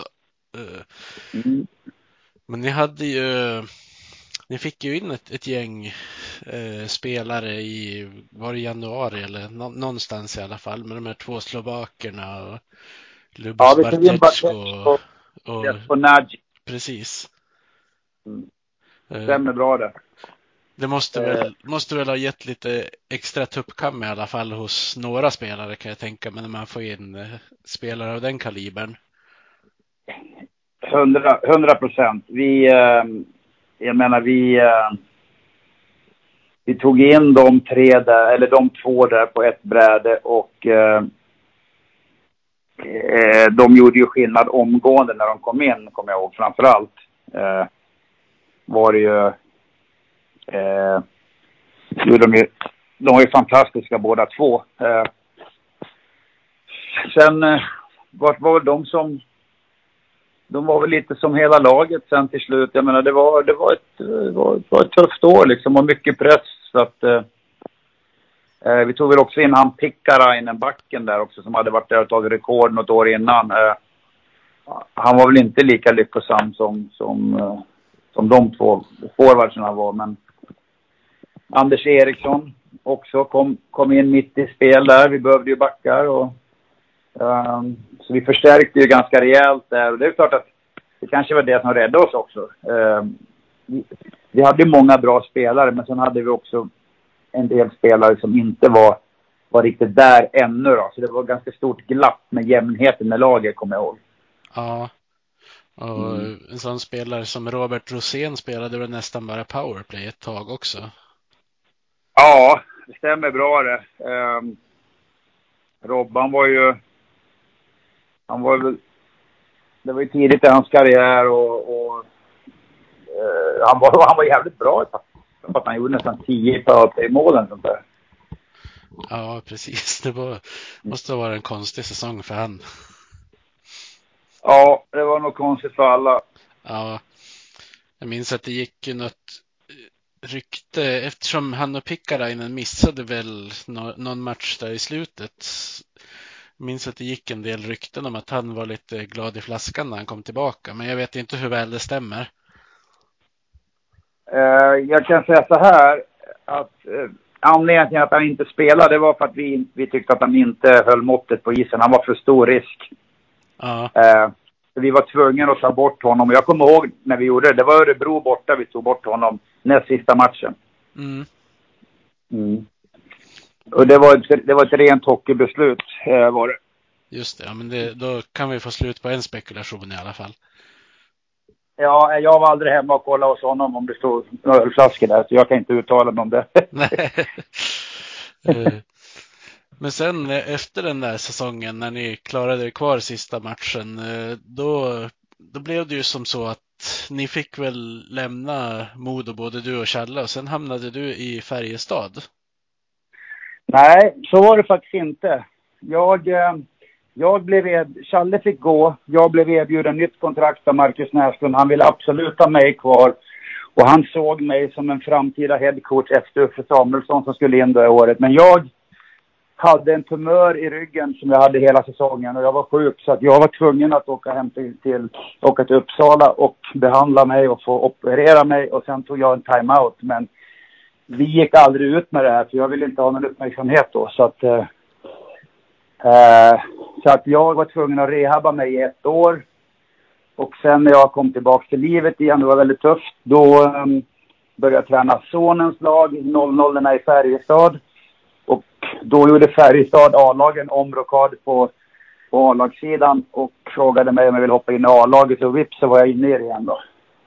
Så, så exakt så var det. Ja, just det. Mm. Eh, Så Marcus, erbjöd- Marcus ville ha kvar mig då och bygga, vara med och bygga det nya Modo. Okej. Ja, men det ser man. Det, det hade inte jag hört talas om förut. Eh, Mm. Men eh, en tumör säger du, är det någonting som har kommit tillbaka eller klarat? Nej. Jag hade, var väldigt tur. Eh, Jag kände, jag kände, började känna det i fötterna och i benen där uppe. Jag började känna att jag hade svårt att åka skridskor. Jag hade svårt att gå upp för trapporna lägenheten. Jag var lite kall i tårna. Men jag tog det väl inte på allvar utan jag trodde väl att det var, kanske ligger någon, någon jag har dåliga diskar och sådär. Kanske det är någon nerv och sådär. Men det sjuka var att dagen efter, dagen efter matchen mot Södertälje, då bröt det ut på mig. Det var som att jag hade mentalt knuffat undan det och då satt jag mig i bilen. Jag satt mig i bilen dagen efter och åkte till, till min läkare i Karlstad. Han gjorde en koll på mig och sa att jag måste in på neurologiska direkt. Och så då började man röntga mig. Då hittade man en tumör som satt i bröstryggen och längst inne på ryggmärgen och tryckte på, på ryggmärgshinnan. Jag kunde ju, jag hade svårt att gå till och med och jag hade ingen känsel från midjan och neråt. Så jag var, var lite skraj då. Ja, det kan jag tänka mig. Och sen beslutades det då att den här tumören ska opereras bort då i Uppsala. Så att det vart upp dit och så opererade man den och gick in i bröstryggen bak i, ja, man såg upp ryggen på mig där bak, tog bort skelett och muskler på mig för att komma åt den här och fick bort hela tumören och sen har, har jag gått på koller, på koll då i några år efter det men ingenting har kommit tillbaka så jag är frisk så att jag hade jag hade, jag hade, jag var en av de som hade tur. Tacksam för det. Ja, men verkligen. Jag kan tänka mig att när man hör just det där ordet också, tumör, att man, man kan få lite ja. kalla kårar och... Ja, fy fan, det, det var... Jag har aldrig varit rädd riktigt, men då var jag rädd. Um, då var jag rädd. Men uh, fantastiskt tacksam över att, uh, att det gick bra såklart. Mm. Har du mm. haft, haft någon annan i släkten som har haft, uh, haft cancer tidigare? Nej, inget sånt. Nej. Inget, inget sånt överhuvudtaget. Nej, just det. Nej. Men du, du fick komma in i Färjestad där till, till mitten av säsongen ja. någonstans då?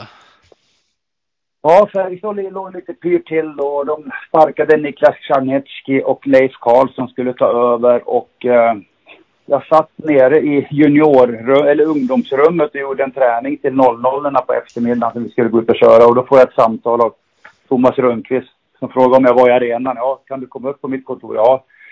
Och då satt han och Håkan Loob och Leif Karlsson och Claes Eriksson och alla där uppe och frågade om jag ville hoppa in som forwardsansvarig för A-laget. Och jag sa att det gör jag om jag får köra 00 samtidigt för de kan inte bli ensamma just nu. Så att jag dubbelkörde där en, en period då. Mm. Gick det ihop tidsmässigt då? det gick ganska bra faktiskt. Eh, eh, min son spelar ju där, så han och jag åkte till ishallen. Eh, och det lilla Karlstad, där tar man sig från, det är som Övik, va? man tar sig från punkt A till punkt B ganska snabbt. Sen hade jag ju assisterande tränare och sådär som hjälpte mig och så. Men vi fick ihop det den säsongen. Sen tog vi in en tränare eh, i slutet där på säsongen. Så att det var bara några, ett par månader övergång där i alla fall. Mm. Men det var ju bra ja. att det gick att lösa så de inte blev utan tränare i det laget. Eller hur? ja, eh. ja, så är det. Sen blev du, ja. sen blev du kvar i Färjestad eh, ja, men en och en halv säsong till ungefär. Ja, det blev ungefär två, lite över två säsonger där, ja precis. Mm. Eh, fick ni byta ut hela ledarstaben då eller hur?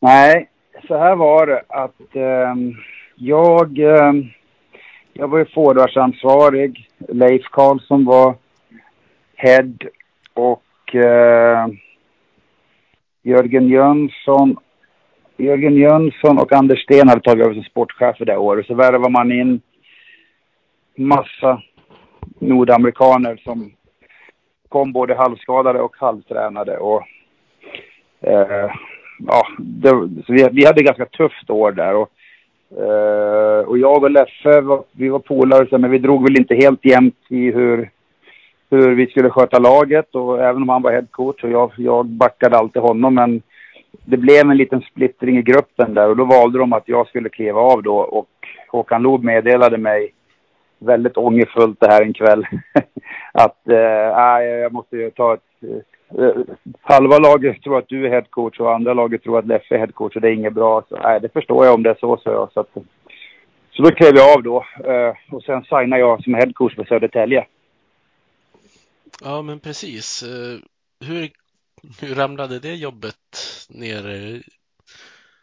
Ja, det kom direkt. Eh, Södertälje låg ju dyngdåligt till. Ehm, och eh, så det kom typ inom en vecka. Men då sa jag nej för att det är omtumlande att få sparken och så blir det väldigt mycket medialt och det blir folk spekulerar. Det var det ena ryktet efter det andra. Och, ibland känner man bara att man vill bara tala om för alla liksom fuck off att ni har fel. Men man måste, man måste hålla tyst för att man vinner ingenting på det. Och, så då blir man ganska sliten. Ehm, och, eh, men, men sen hörde de oss igen och de var väldigt, väldigt på. Och då kände jag att nej, nu, nu får jag pröva mina idéer fullt ut. Och de låg sist och det var, jag tror de hade 9-10 poäng upp till strecket och det var så här 20 matcher kvar. Så det var ju en tuff utmaning. Men nej, jag bestämde mig för att det här kommer bli bra. De, jag kollade vad de hade för lag, jag kollade vad de, vilka de skulle möta. Jag, jag, jag hade min gameplan och så drog jag dit och det,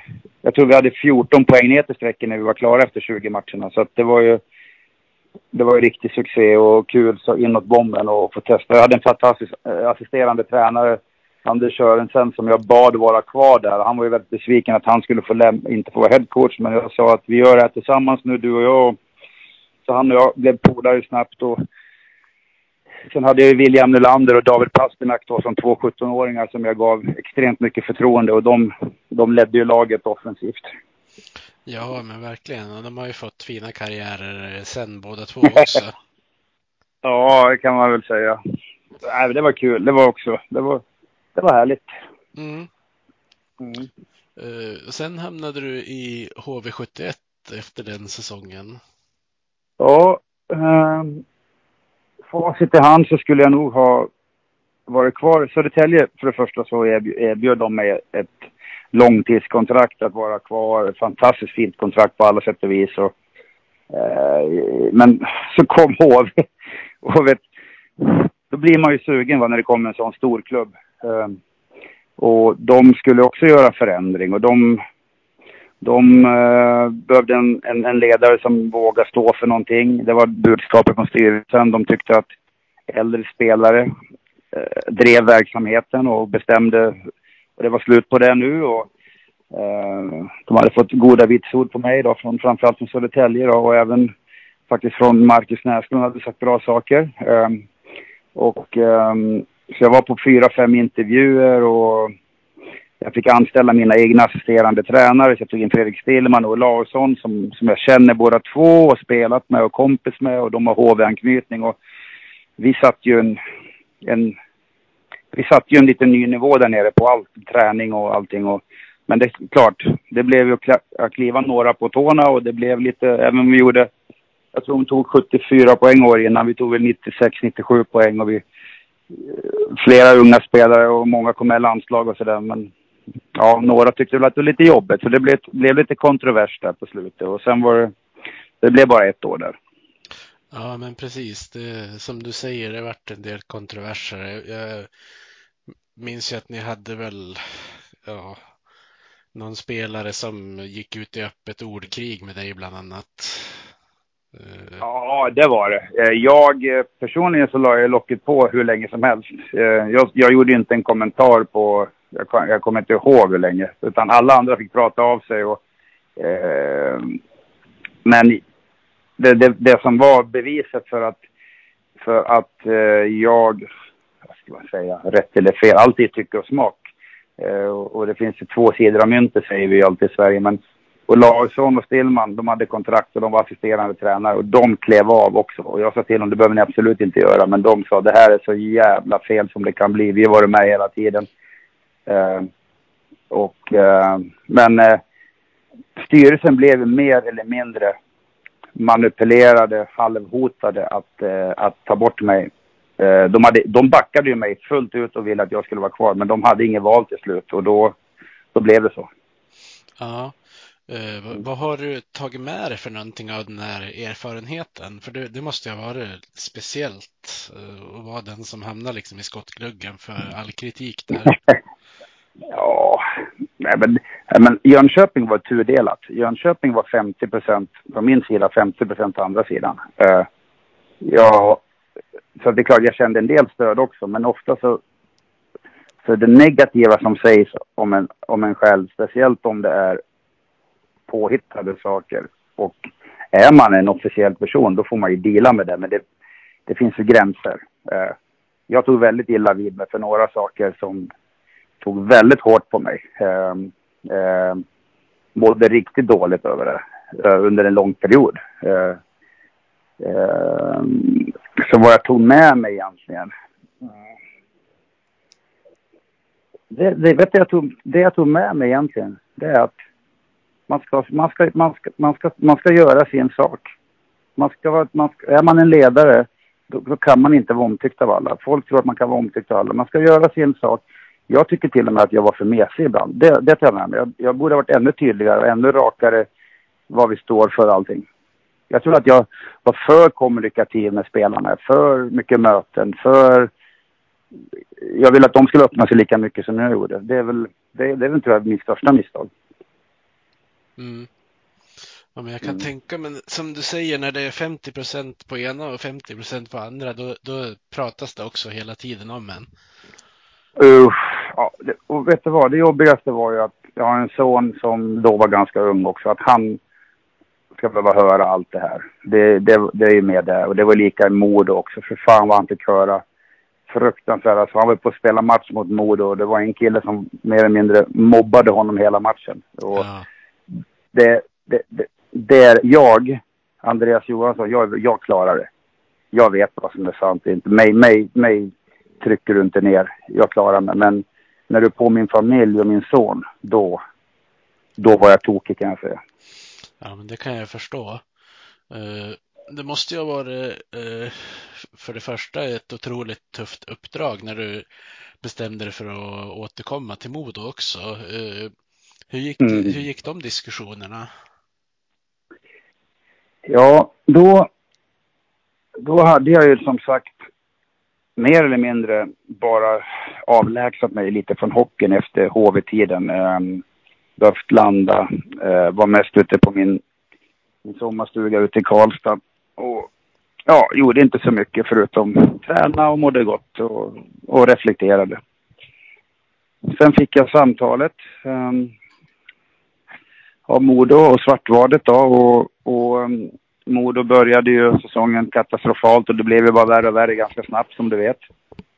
Um, och, och när frågan kom, då hade jag fått tillbaka den där gnistan och, och suget igen. Och, men jag vet också att det, hade det inte varit Modo, då hade jag aldrig hoppat på det. Eh, jag har alltid haft en stark, du frågade om anknytning till Modo förut innan, men jag har alltid haft en stark anknytning till Modo ända sedan det begav sig med 73 och Kent Forsberg skulle ha till hockey och Anders Melinder och Ja, men du vet, de här två svängarna, Byron Ritchie var där med oss första gången med mig, så han är gift med min syrra. Så att Svartvad sa det att jag, att um, vill du komma Andreas så då, då löser vi det. Och ja, då sa jag, men då vill jag med mig Fredrik Olausson, sa jag, för jag måste ha en parhäst med mig. Uh, och då sa, då sa Eh, svarten att vi har ingen ekonomi direkt, jag betalar tränare. Då sa det, vi löser det, sa jag. Eh, jag ringde till Freddan och så sa jag att vi, vi får dela på, på en lön du och jag typ och jag kan bo hos syrran och sådär så att eh, då gjorde vi det. Så vi, vi, vi, vi kände att vi var sugna och vi kände att vi kunde göra någonting bra. Eh, kanske lite naivt med facit i hand men eh, det var ju mer turbulent i klubben än vad jag trodde. Eh, halva laget hade nordamerikansk härstam, vilket inget fel på dem, men det blir en kulturkrock som är, är väldigt stor när man har så många samtidigt. Det var väldigt många viljor i rummet, det var mycket ego, egoism i rummet, det var... Så egentligen istället för att fokusera på att vinna hockeymatcher så fick vi ju släcka bränder varenda dag ganska länge. Uh, och sen trodde vi alltid på det vi gjorde. Vi hade ett jävla gå i gruppen och det kändes som att alla var på. Och det fick man ju bekräftat efteråt på mötena också att det var ju liksom inget... Och du vet den där, den där serien mot Leksand, det är ju egentligen overkligt att vi förlorade den. Eh, men det var på något sätt, det var som att det var meningen på något sätt att, ja, jag vet inte. Det låter konstigt men, ja, ja. men det var, det var klart, det var ju tufft såklart. Uh, mm. Ja, eh, jag har eh, ett par specifika grejer som jag undrar över eh, och även har fått lite supporterfrågor. Eh, den mm. första är hur, hur det gick till när Kyle Wilson lämnade. Eh, Kyle Wilson lämnade, det var ju eh, det var ju rent hockeymässigt. Eh, vi tyckte ju att han var för lång, lite för trög för att spela i det up-tempot vi ville spela i. Han, han var heller inte riktigt nöjd. Han ville spela, han ville ha ännu större roll offensivt. Tyckte vi inte att det fanns plats för det. Så det var egentligen det var ett ömsesidigt eh, eh, beslut och vi, vi hjälpte ju honom att hitta en ny klubb direkt också. Ja, precis. Mm. Det var lite annat med Maxime Lapierre situationen, eller hur? Det var lite annat, ja. Eh, var det, var det någonting som satte spår liksom i hela gruppen? Och... Ja, för mig, för mig om du är med i ett lag så får du, alla får vara olika. Men det finns ju en del saker som alla ska förhålla sig till och det är ju att du är en god lagkamrat, du jobbar hårt, du mobbar inte, du trycker inte ner folk, du, du tycker inte att du är större än, än, än, än laget själv och så vidare. Och några av de här punkterna, det checkade inte han av på riktigt. Eh, plus att han var en minusspelare. Han var minus 18 tror jag när, vi, när, när han lämnade. Eh, han var rejält minusspelare. Han spelade bara åt ett håll. Eh, och han, innan vi tog bort honom så då cementerades det med Peter Forsberg, med Per Svartvaret, med styrelsen och med Noah Welsh, Byron Ritchie och Oskar Hedman. Eh, alla vi pratar om vad händer när vi tar bort våran, jag tror han gjorde mest poäng just då. Eh, hur kommer det här se ut utåt? Och så la vi fram faktan på varför vi borde göra det och alla var överens om att vi kan inte ha kvar honom. Och då fick han utav mig tre alternativ. Han fick alternativ ett var att han, eh, att han förändrade sin attityd och tog ansvar och hjälpte de yngre spelarna och var en god ledare. Visade att han har spelat 600 NHL-matcher som han påminner mig om varje dag att han hade med sig. Va? Så jag borde låta honom vara i fred. och, eh, och sen gav jag honom alternativ två, det är att eh, du inte gör det och då, då får du sitta på läktaren. Eh, och alternativ nummer tre det är att vi hittar en ny klubb åt dig nu så att, och skiljs åt. Och då, då sa han väl någonting typ att jag hade ingen respekt för honom. Jag har spelat så här många matcher och, och så var det, var det över. Ja, och det mm. var ju en väldigt stor mediasak.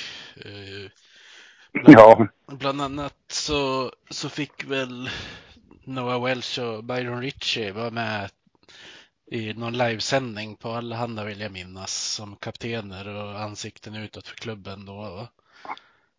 Och de bad ju om det själva. Ja. Jag tyckte inte att de skulle göra det. Men eh, de bad om, och det var ju två starka karaktärer, så att eh, de, de bad om det själva liksom. Så att, mm. Ja. Ni mm. hade väl ingen, ingen eh, riktig spelare att kliva in och ta eh, hans minuter heller då, för Byron Ritchie hade väl fått sin hälseneskada också den tiden? Va? Ja, exakt. Byron var ju inte i närheten av den spelaren han kunde vara eh, efter, efter operationen där. Eh, det, så var det. Ja, det märktes ju mm. att han kunde inte ge det han kunde göra i början av säsongen. Nej, nej. Det vi tog in Filppula och vi hade ju, jag menar, vi hade ju spelare som, eh, vi hade ju en skicklighet som var, eh, vi hade, alltså, spelarna hade vi. Eh, rörigt år. Eh, lyckades inte vinna de här matcherna som vi skulle vinna. Dubbelmöte mot Rögle och Malmö kommer jag ihåg när vi hade kunnat tagit position i SHL där och kanske hamna på, hamna på torrt. För direkt när vi kom in då satt vi ett spel som funkade. Vi, vi slog Färjestad borta direkt. Vi var, ju, vi var ju tävlingsmässiga på ett helt annan nivå. Men du vet, hålet var ju redan grävt så vi var ju kvar där nere hela tiden va. Eh, och när vi hade våra högsta nivåer, jag kommer ihåg vi slog Frölunda hemma några matcher där, vi var, då var vi riktigt bra. Men sen hade vi djupdykningar och, och sen kom då den här serien mot Leksand vi hade två veckors uppehåll där och vi tränade bra, vi vilade bra, vi gick in otroligt förberedda och vi spelade fantastisk hockey första två matcherna. Eh, Eh, även sista matchen och sådär. Men det var ett mentalt spel där och vissa, vissa, klarade, vissa spelare klarade inte av det helt enkelt. Det blev, blev eh, små när de behövde vara stora och, eh, och in, in, ingen, skam, ingen skam på dem. Det, det är mentalt. Det, det, men det, ja. Leksand hade flyt. De hade varenda jävla studs med som man kunde få. Till och med sista målet är offside egentligen. Ingen som har pratat om att de har en kille som står på isen och byter in i zon. Borde inte ens vara mål. Nej, precis. Och... De högg och slog och jag menar Jonas Frögren borde haft en två minuter varenda gång han var nere i Leksand. Vet du. Vi fick inte ens ett powerplay med oss någon gång. Det, var, eh, det kan väl låta som en sur förlorare, men det är fakta. Jo, och som du säger, alltså 99 gånger av 100 så vinner ni ju den där serien. Det, mm. Så stor skillnad var det ju när det var skillnad på lagen. Mm. Men ja, så var det. Är det någonting som du har ältat mycket nu så här när du har fått några års distans till det hela? Ja, fy fan. Det har varit... Det är klart att det har varit. Jag har egentligen inte ältat, jag har egentligen inte ältat så här någonting. Jag har egentligen inte ältat någonting så här som, ja, det hade jag, man kan alltid göra saker annorlunda. Man kan alltid, ja, så här, coacha laget annorlunda. Men, det, men med Modo det året, då, då kände jag ändå liksom att alla var med i båten. Alltså när vi tog bort Lapierre och sådär, då var alla med i båten. Utlänningarna, jag menar, jag stötte på en av killarna nu, Gordy, um, ehm, Dwyer, Patrick Dwyer nu på draften, han kom fram. Fan, han är så jävla... Vi hade så skönt gäng och ja, men du vet här. Mm. Det var ju inte det här negativa. Men. Det jag tror jag sagt det någon gång förut också. Sista minuterna när Leksand kvitterar och kvitterar, reducerar och kvitterar. Jag tror att det är den där Ytterell som gör mål båda gångerna va? Ja, han var inblandad i alla fall, det vet jag. Han sköt, han sköt ju någon i ryggen och pucken har gått tre meter utanför och sen, ja. ja. Och eh, de här matcherna på slutet, våra bästa spelare då var Possler, Emil Pettersson. Inte Filppula, Viktor Olofsson, eh, Thomas som var helt grymma första matcherna. Utan de var bäst. Eh, de täckte skott, de jobbade hårdast. Sista tekningen, då satte jag in Byron, eh, Skröder. Eh, jag kommer inte ihåg vem som var jag måste haft en till tekare inne för det sätter jag alltid in. Det var också säkert någon av de äldre rutinerade och så hade jag Noah Welsh. Och jag skulle tro att det var Oskar Hedman. De, de rutinerade. Mm. Jag borde, jag borde, och det skulle 99,9 av alla coacher göra, det vet jag. Men jag skulle ha satt in Possler åtminstone, som hade täckskott. Jag borde ha satt in Emil som var... Jag borde ha satt in de yngre, lita på dem. Men det är det enda jag har ältat. Det, det, och det har jag ältat så in åt helvete. Ja. Mm. Um, så jag tyckte att de äldre blev lite rädda. De hade mer att förlora, så de, de vågade inte sätta press, de vågade inte spela riktigt. Medan jag tror att de yngre killarna hade varit, de hade vågat mer. Ja. Jag kan ha fel, jag kan ha fel, men det är i alla fall, du frågar mig vad jag har ältat för någonting. Det är det enda jag har ältat. Mm. Mm. Ja, ni hade ju en, en del otur med skador den där säsongen också. Ehm, mm. Från början var väl, var det, ni fick ju en målvakt som var borta, ja, men ett par månader så ni körde slut på, på Reideborn istället. När Bjure var skadad. Mm. Peter Öberg blev ju han fick ju ja. avsluta hockeykarriären när han kände som han var på gång. Och det var fler sådana grejer. Peter Öberg var ju, Peter Öberg var ju, det var ju en favorit för mig också. Alltså, jag älskade honom. Fy. Och, och vi, han behövde bara någon som gav honom förtroende, vilket vi gjorde. Och han var ju en helt ny spelare. Och det var fruktansvärt att, ja, framförallt för honom själv, men för oss också att vi tappade honom. Det var, det var, det var jäkligt synd alltså. Ja. Sen hade vi inte målvaktsspelet. Vi hade inte målvaktsspelet, det måste man erkänna. Nej men precis. Eh, var det någonting som du eh, försökte att trycka på? Att ni försökte Varje dag. Någon, någon förstärkning eller? Ja. Det tryckte både jag och Olausson på hela tiden. Vi måste hitta en målvakt. Vi måste hitta en målvakt som har varit med, någon som är stabilare. Båda de här killarna är orutinerade och Eh, Reideborn är en fantastisk målvakt idag, men han var inte det då rent jäm, jämnmässigt. Nej, han kunde ha fantastiska matcher blandat med Mm. en, en del annat. Mm. Men vad, vet du om det Men det var också, men också fan, det fanns ingenting på, alltså, du vet när du kommer in där i, i hitta målvakter i, i, i, i det läget under säsongen. Alltså, det, det är inte lätt heller. Det, men det var någonting vi adresserade, absolut. Mm.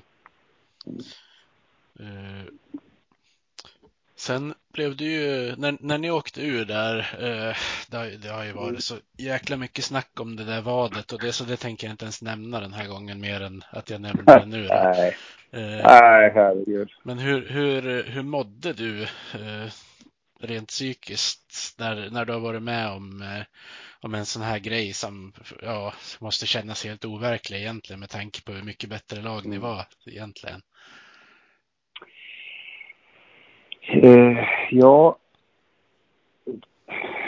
Jag var nog chockad lite också. Eh, och mådde jävligt dåligt, självklart. Eh, men jag kommer ihåg direkt efter matchen och sådär, så killarna var ju, spelarna var ju helt bedrövade, ledarna var ju bedrövade. Jag tänkte mest på, jag tänkte ju mest på de här som är från Modo och har varit där hela tiden, vad de ska behöva gå igenom. Så att jag var väl mer sprang väl runt och försökte prata med dem mer och gjuta mod i dem och, och att det här är, livet är inte bara hockey och det, ja, men man försöker, men sen när man väl, när det väl kommer kappen lite grann, alltså, det är klart att det var, klart att det var astufft, det är klart att man, jag, jag åkte inte direkt upp på Coop och handlade i Örnsköldsvik, jag skämdes ju som en jävla hund, det gjorde jag. Eh, men samtidigt så, det tog ett par dagar, efter, tre, fyra dagar efteråt så beslutade sig styrelsen för att de vill ha kvar mig som headcoach.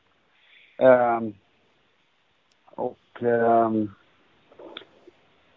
uh, jag, de ville ha kvar mig som headcoach och de ville göra sig av med Per Svartvard som sportchef. Och då sa jag till dem att jag tror så här att börja sparka folk höger och vänster, uh, det kan man göra. Men jag tror att det är för, det, det är för rörigt nu ändå. Så, jo, jag är kvar, så jag. Jag, jag skriver på ett nytt kontrakt. Jag, jag kan hitta energin. Eh, men då ska Svartvarde vara kvar också, så. Eh, det var mitt krav. Mm. Eh, så blev det. I det tror jag att man började jobba direkt. Okej, du vet, man satt på sig en ny keps direkt. Jaha, nu blir allsvenska kepsen. Vi ligger långt efter rekryteringen. Hur fan ska vi få ihop ett lag nu? Eh, Okej, man skulle, helt plötsligt skulle man göra det här uh, grannens grabb eller vad fan det hette. Eh, det sa jag ifrån direkt. Glöm det. Det är en fin tanke, men 2016, 17 eller vad fan det var, det, det, det funkar inte så.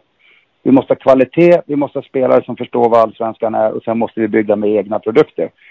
Eh, det här blev ju tokigt för att vi hade ju 10, 11, 12 juniorer en match borta mot Karlskoga.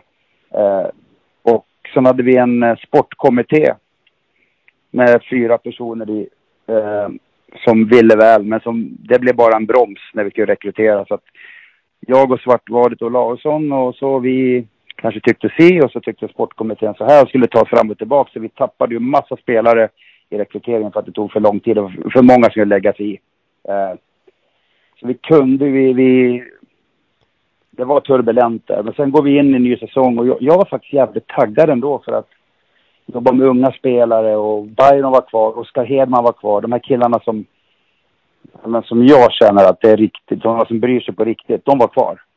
Uh, uh, och, eh, och alla unga med Lukas Wernbloom och alla de här som skulle få chansen. Och det var ju många fler än vad vi hade önskat och trott. Då. Men, men eh, då gjorde vi en målsättning och målsättningen var att inom laget att vi, vi ska bli bättre varje månad. Och på slutet av säsongen, när vi har gått igenom all turbulens, och så, då ska vi vara med och slåss i playoff.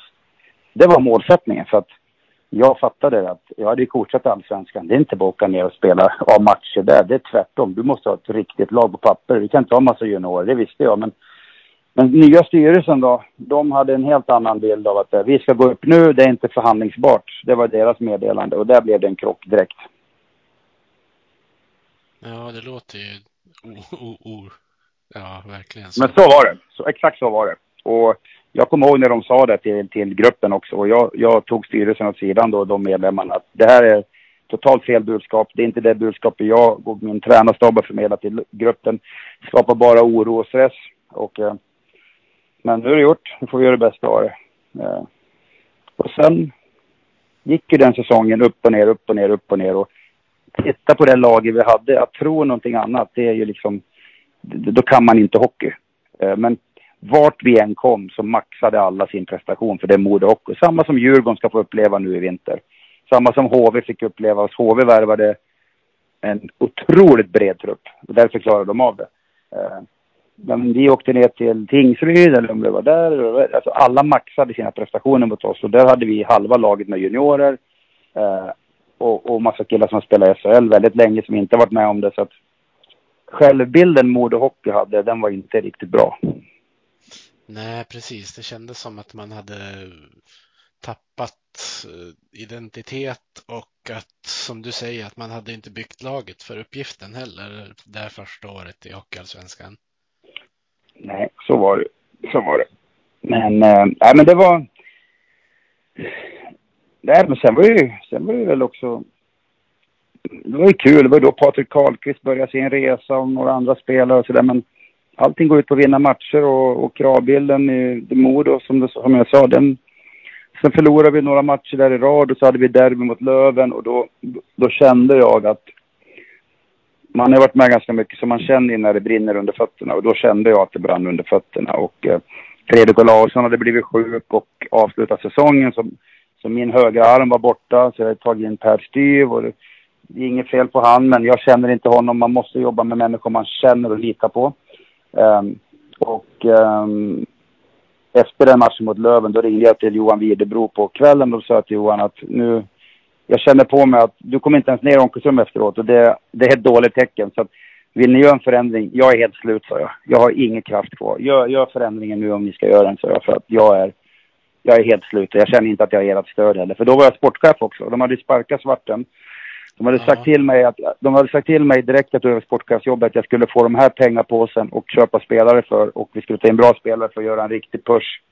Och sen ryckte de bort den för mig också. Ja, just det. Ja, och så åkte ju Per Edblom på en skada som var en ledande spelare där. Och... Ja, och lilla ögat, ja precis. Det var också en, en fantastisk människa och en väldigt viktig spelare för oss. Mm. Och sen var det ju nordamerikanerna som var med det året var väl lite tvivelaktiga också. Drew Paris lyckades ju inte jättebra till exempel. Så... Nej, och det var inte, och det var inte, det var inte, den här värvningen var inte jag ens involverad i. Och den var emot mig och Svartvadet, den värvningen. Mm.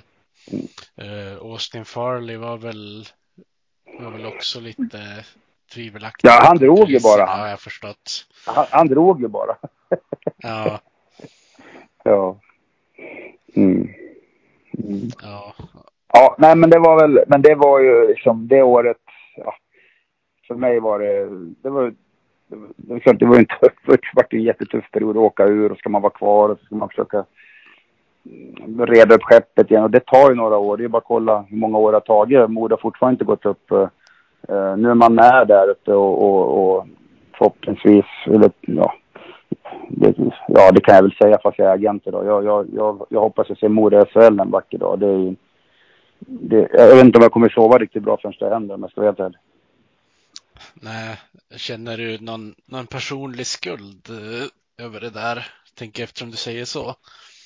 Men det gör man ju alltid. Alltså om det blir en sån här grej. Alltså, det är ju det är ju oundkomligt. Jag menar, om du visste de sms, anonyma mejl, samtal, så mycket skit, min son.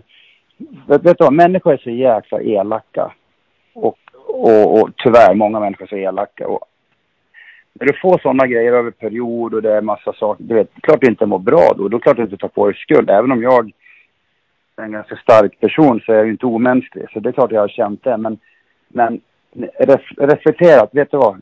Jag fick ett sms utav två personer direkt efter vi åkte ur. Och det var Thomas Montén, eller när jag fick sparken, Thomas Montén och, eh, och eh, Sundqvist, tränaren Sundqvist.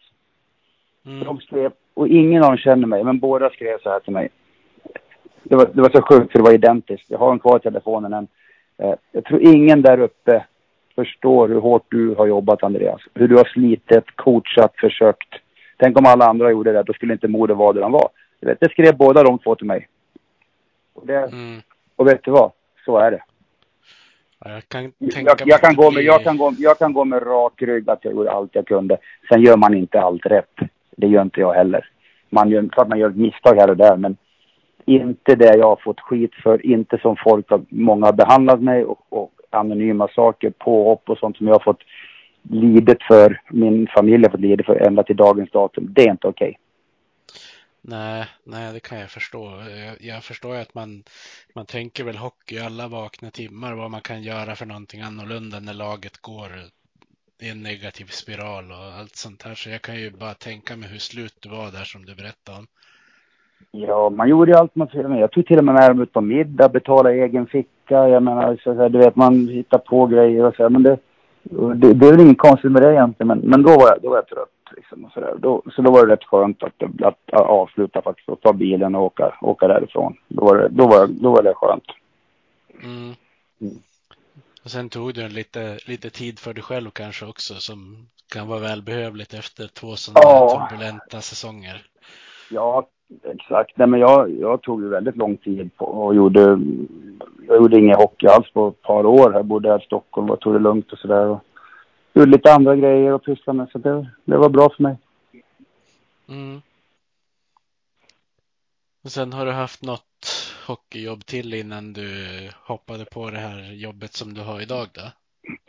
Ja, jag, eh, jag vart ju, vad heter det, när jag, när jag satt här uppe i, i Stockholm och sådär så då hörde Färjestad av sig igen och då hade de problem på juniorsidan eh, med sitt J20-lag som underpresterade och det var lite slappt och sådär och då det var väl vid jul så då frågade de om jag ville åka hem fem, fem månader och styra upp J20 där, och vilket jag gjorde då. Ehm, det var jäkligt kul att få, få göra det igen och jobba med unga spelare och vi gjorde, gjorde bra jobb där och kul och så. Så det var ett hockeyjobb. Och sen efter det då, då blev jag headhuntad av Avangaromsk. Eh, storklubben i KL som skulle bygga, bygga en bra organisation. Så då blev jag headscout och rådgivare till ägaren och presidenten där. Så att jag hjälpte dem att bygga upp en scoutingorganisation och, och, och jag var med i rekryteringen. Det var utlänningarna och eh, det laget blev ju, blev ju mästare i Gagarin Cup så det var en jävla upplevelse. Det kan jag tänka mig. Mm. Och sen kom coviden då, efter det. Och då blev det ju naturligt att, att eh, och då hade jag, faktum är att det här med att vara agent och ha ett eget managementbolag, det är någonting jag har tänkt på länge. Eh, Och när coviden kom, då blev det, då gick jag till min bästa kompis eh, som eh, också är väldigt idrottsintresserad och duktig företagare och sa att hon, ska vi köra nu?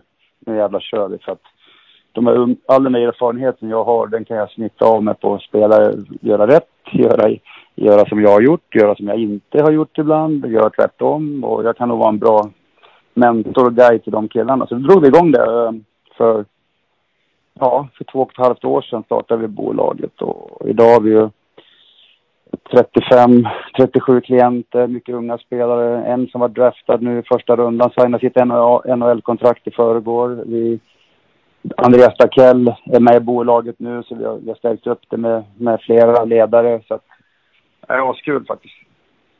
Så Mm. hockeyn lever vidare väldigt mycket. Super 10 Agency. Jajamensan. Eh, hur, eh, hur tänkte du på det namnet? Jag vet det fanns ju det var inte jag. rengöringsmedel som hette Super 10 förut. jag vet. Jag vet att det är super 10, det är ett rengöringsmedel. Nej men så här. Eh, vi, eh, min kollega är väldigt uppfinningsrik. Vi eh, stod i en mataffär och så, vad fan ska vi ha för namn då? Jag var väl lite mer så här traditionellt att det ska heta typ, ja du vet. Pro, pro players eh, agency. Ja men du vet som de heter allihop de här. Mm. Men han tänker alltid tvärtom. Då sa han, Andreas, vilken våning sitter vi på? Ja, vi sitter på tionde utav tio våningar. Där har vi kontoret. Ja, vad hade du för nummer i landslag? Ja, det är alltid tio. Ja. Eh, och så var det någon, och så var det någon nät. Och ja, och så vad har vi sagt att vi, hur vi ska behandla vår, alla våra klienter oavsett vart de spelar? Ja, på en skala 10, 1 till 10. Just det. Fan, vi döper det till Super 10, sa han. Och då, Och då bara, ja, varför inte? Då så körde vi på det. ja. det är ju ett namn som faller lätt i munnen också, så det var säkert bra. Ja, men det funkar bra. Det, killarna gillar det och det, det är liksom, vad man heter spelar ingen roll. Det, det, det är ju vad man gör. Så. Ja, men precis. Mm. Uh, Eh, när man tittar tillbaka på din eh, hela ishockeykarriär, jag tänker både som spelare och som, som ledare. Eh, om du väljer tre sådana här riktiga lär, lärdomar som har påverkat resten av ditt liv. För att jag kan tänka mig, har man ändå hållit på med en idrott så länge så har man sett så många olika sidor. Har du tre lärdomar som du kan nämna så här som du har tagit med dig? Ja, eh, jag tar lite större perspektiv, men då är det alla, all, alla, ledare, alltså jag har haft att göra med, då är det både tränare och spelare. Eh, och det har jag tagit med mig lite olika från varje, men eh, jag kan ta en sån som Mark Messier som jag spelade med i New York. Det var ju, hans ledarskap eh, var helt fantastiskt att, att, att, få, att få se på nära håll. Så det, det tar jag med mig. Den lärdomen. Eh, sen tar jag med mig lärdomen av min ungdomstränare och hur jag växte upp hemma i Hofors där jag fick lära mig, som jag sa innan, att vara en bra lagkamrat, spela ishockey på riktigt, använda mina lagkamrater. Eh, man gör det som team även om man är individualist. Så det är väl, det är väl kanske den största, eller den största egenskapen jag tar med mig. Eh, sen nummer tre är vad du än gör så kommer du stöta på människor som är passionerade och brinner. Och så kommer du sätta på dem som tycker att det är jobbigt att passionerade och brinna. Jag har haft turen att varit runt båda. Och jag väljer att ha sådana människor runt mig idag som är passionerade och brinner för någonting. För det inspirerar mig. Eh, andra sidan inspirerar inte mig någonting och då gör jag det. Nu är jag gammal nog att göra det valet. Så att de tre sakerna. Mm. Ja, man har ju märkt när du har stått i båset att du är en, en passionerad person som, som kan ha ett temperament. Men det är ju å andra sidan en sån grej kanske som sprider en bättre bild än att man bara står med armarna i kors och gör ingenting. Det där är ju tycke och smak. Jag menar, kolla på Abbott i Rögle. Jag menar, jag tror han brinner ännu mer utåt sett än vad jag gjorde. Eller lika mig. Och jag är ju en sån där människa som mitt kroppsspråk syns på. Jag, och det, och det har både varit plus och det har både varit minus. Eh, det är väl någonting jag ångrar. Eh, att jag inte kunde ha lagt band på mig bättre när jag var tränare framförallt ibland. Jag har varit så jävla passionerad så, och, och, så att några gånger har jag tagit, men vet du vad? Hellre det än tvärtom. Hellre det än tvärtom säger jag. Det är bara att i, i vissas ögon så faller det illa för då tror de att man bara är sån hela tiden vilket de som känner mig vet att eh, inte ens är närheten där jag är. Och det får ju även, det får ju även Abbott. Eh, eh, hade Abbotts lag gått lite sämre, då hade han fått så mycket kritik på Simon och alla. Åh, han är så jävla tokig, han skäller på domaren där och han slog igen Båström. Men så länge han är topplag kommer han aldrig bli kritiserad. Så funkar det. Lika med Roger Rönnberg. Ja, men precis. Det är bara att kolla på Pelle Bäckman och Leif Bork som var föregångare. Ja, men Leif Bork sprang ut och pekade finger på isen. Hade jag gjort det, där blir det hängd. Ja, men precis. Och, och Pelle Bäckman var ute och slog med någon klubba minns jag någon match mot Ja. Också.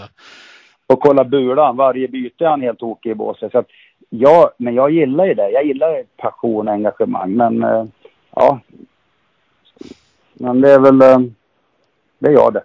Ja, men jag gillar det också. Det, det, blir, det känns som att det tillför en, en dimension på något sätt uh, när man ser att folk verkligen bryr sig. Mm.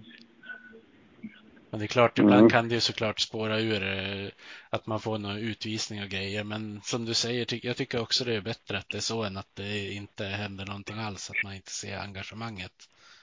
Ja, nej men som jag sa, det, man, man, man, ska lägga band på sig ibland. Ibland har jag inte klarat av att gjort det. Och det, det får jag ta på mitt konto och det är ingenting jag är jätteglad för. Men ja, då, då är det så. Då får man väl ta det då. Det, man får ta the good with the bad, the bad with the good liksom. Ja.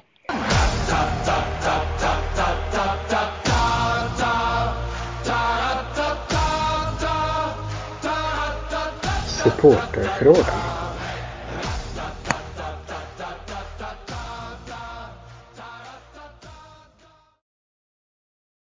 Innan vi avrundar så ska jag eh, ta lite supporterfrågor. Eh, En del av Mm. dem har vi, har vi ju varit in på, men eh, Mm. jag, jag kommer läsa alla ändå så att det känns, så att det känns som att jag inte ignorerar eh, personernas frågor som har skickat in. Ja, självklart. Eh, Jakob Jonegård, han, han undrar, följer du Modo någonting idag? Ja, det gör jag ju. Ehm, Jag följer ju all ishockey och eftersom jag jobbar som agent idag och eh, har massa spelare runt i landet så ja, men jag följer Modo. Eh, Jag följer Modo lite extra såklart eftersom jag har varit där. Eh, Har väl har bra koll på, tycker att de är på rätt väg. eh, Så att jo, jag följer dem. Eh, Han undrar också, skulle du kunna tänka dig att jo, jobba för Modo igen som sportchef eller tränare? Just nu kan jag inte tänka mig att jobba som varken sportchef eller tränare i överhuvudtaget. För jag trivs så otroligt bra med det jobbet jag gör nu när jag hjälper spelare. Eh, idag, nej. Fast man ska aldrig säga nej för evigt. Nej, precis. Eh, Då kan man bli, kan man få sina ord serverade igen sen om det blir någon förändring. Eller hur? Eh, mm. Marcus Törnqvist, eh, han eh, undrar, letade man förstärkning på målvaktssidan inför kvalet? Den har du gått igenom lite grann, men han undrar också bara något namn som var nära. Ja, det var väl något namn som var nära. Men den, det var en äldre målvakt från NHL som inte hade stått på... Och det, var, det, var, det var en... Eh, frågetecknen var på hans fysiska status. Så därför backade, backade vi ur. Just det. Mm. Eh, Han undrar också hur illa var situationen med Maxime Lapierre? Jo, men den var illa. Ehm, och som jag sa då för ett tag sedan så var ju alla vi som var runt laget och management, vi alla var involverade i beslutet och alla tyckte samma sak. Och ehm, det, det gick, det var inte hållbart för fem öre. Så det var illa. Mm. Sen undrar han eh, det som du svarade på förut när vi pratade om det. Vad hade du gjort annorlunda i sista avgörande matchen om du hade fått möjlighet att uppleva den igen? Mm, jag hade spelat de där yngre spelarna lite mer avgörande lägen och inte bara luta mig mot de rutinerade. Mm. Eh, sen Adam Westlin, han undrar varför lämnade Kyle Wilson då han var inne i en hyfsad form just under den tiden? Och och eh, hur mycket bättre stämning blev det i gruppen efter att Lapierre valde att lämna och Filppula kom in? Ja, det där har jag sagt egentligen. När det gäller Wilson så, så var inte han riktigt nöjd med, med sin roll. Vi tyckte han var lite trög och vi behövde göra lite plats och få in en bättre spelare tyckte vi. Så att, eh, han var inge, han var en jättebra person. Det fanns inget... Eh, hur det blev i gruppen efter Lapierre, eh, jag skulle säga att det blev ett mycket lättsammare omklädningsrum. Och vet du vad? Jag personligen hade inget problem med, med, med, med eller vad sa jag, vad fan hette han? Ehm, eh, eh, Lapierre hette han, Lapierre. Jag hade inget, jag hade inget personliga bekymmer. Jag gillar när det är högt i tak och man, han säger till mig, jag säger till han, bara man går därifrån liksom, och jobbar åt samma håll va. Men det var ju laget bland spelarna som det, omklä, omklädningsrummet blev infekterat och då blev, då blev jag tvungen att sätta mig in i det ihop med alla andra och när, när han väl inte var i det omklädningsrummet så blev det blev lättsammare. Det blev det. Mm. Jag lägger inte all skuld på honom men, men det var, vi var tvungna till att göra det. Ja. Eh, David Rångefors, han undrar, har du kontakt med personer från föreningen idag? Och, och hur ser du på klubbens framtid? Eh, ja, ja, men jag har ju kontakt med lite personer sådär. Ja, men Hinken Gradin självklart eftersom han är sportchef och jag är agent. Men sen känner jag Hinken sedan många, många, många år. Han är också 73 ja.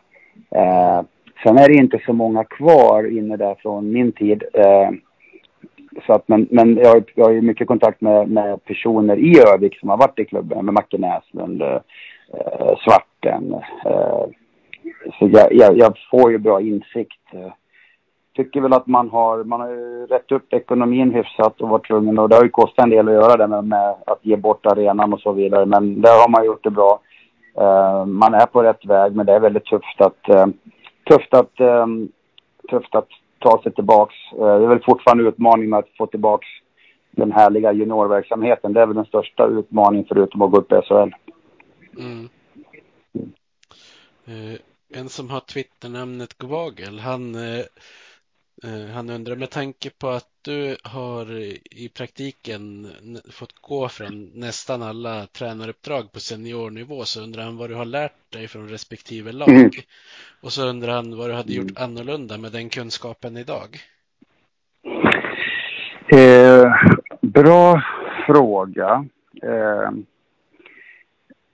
jag har egentligen inte har egentligen inte fått gå från alla lag kan man inte säga. Det har ju varit lite och en tränare får ju göra det. Men det, det, det här med som jag sa förut. Jag, jag ehm, eh, skulle kunna tänka mig att jag har lärt mig hur människor fungerar lite mer. Jag har lärt mig hur jag själv fungerar.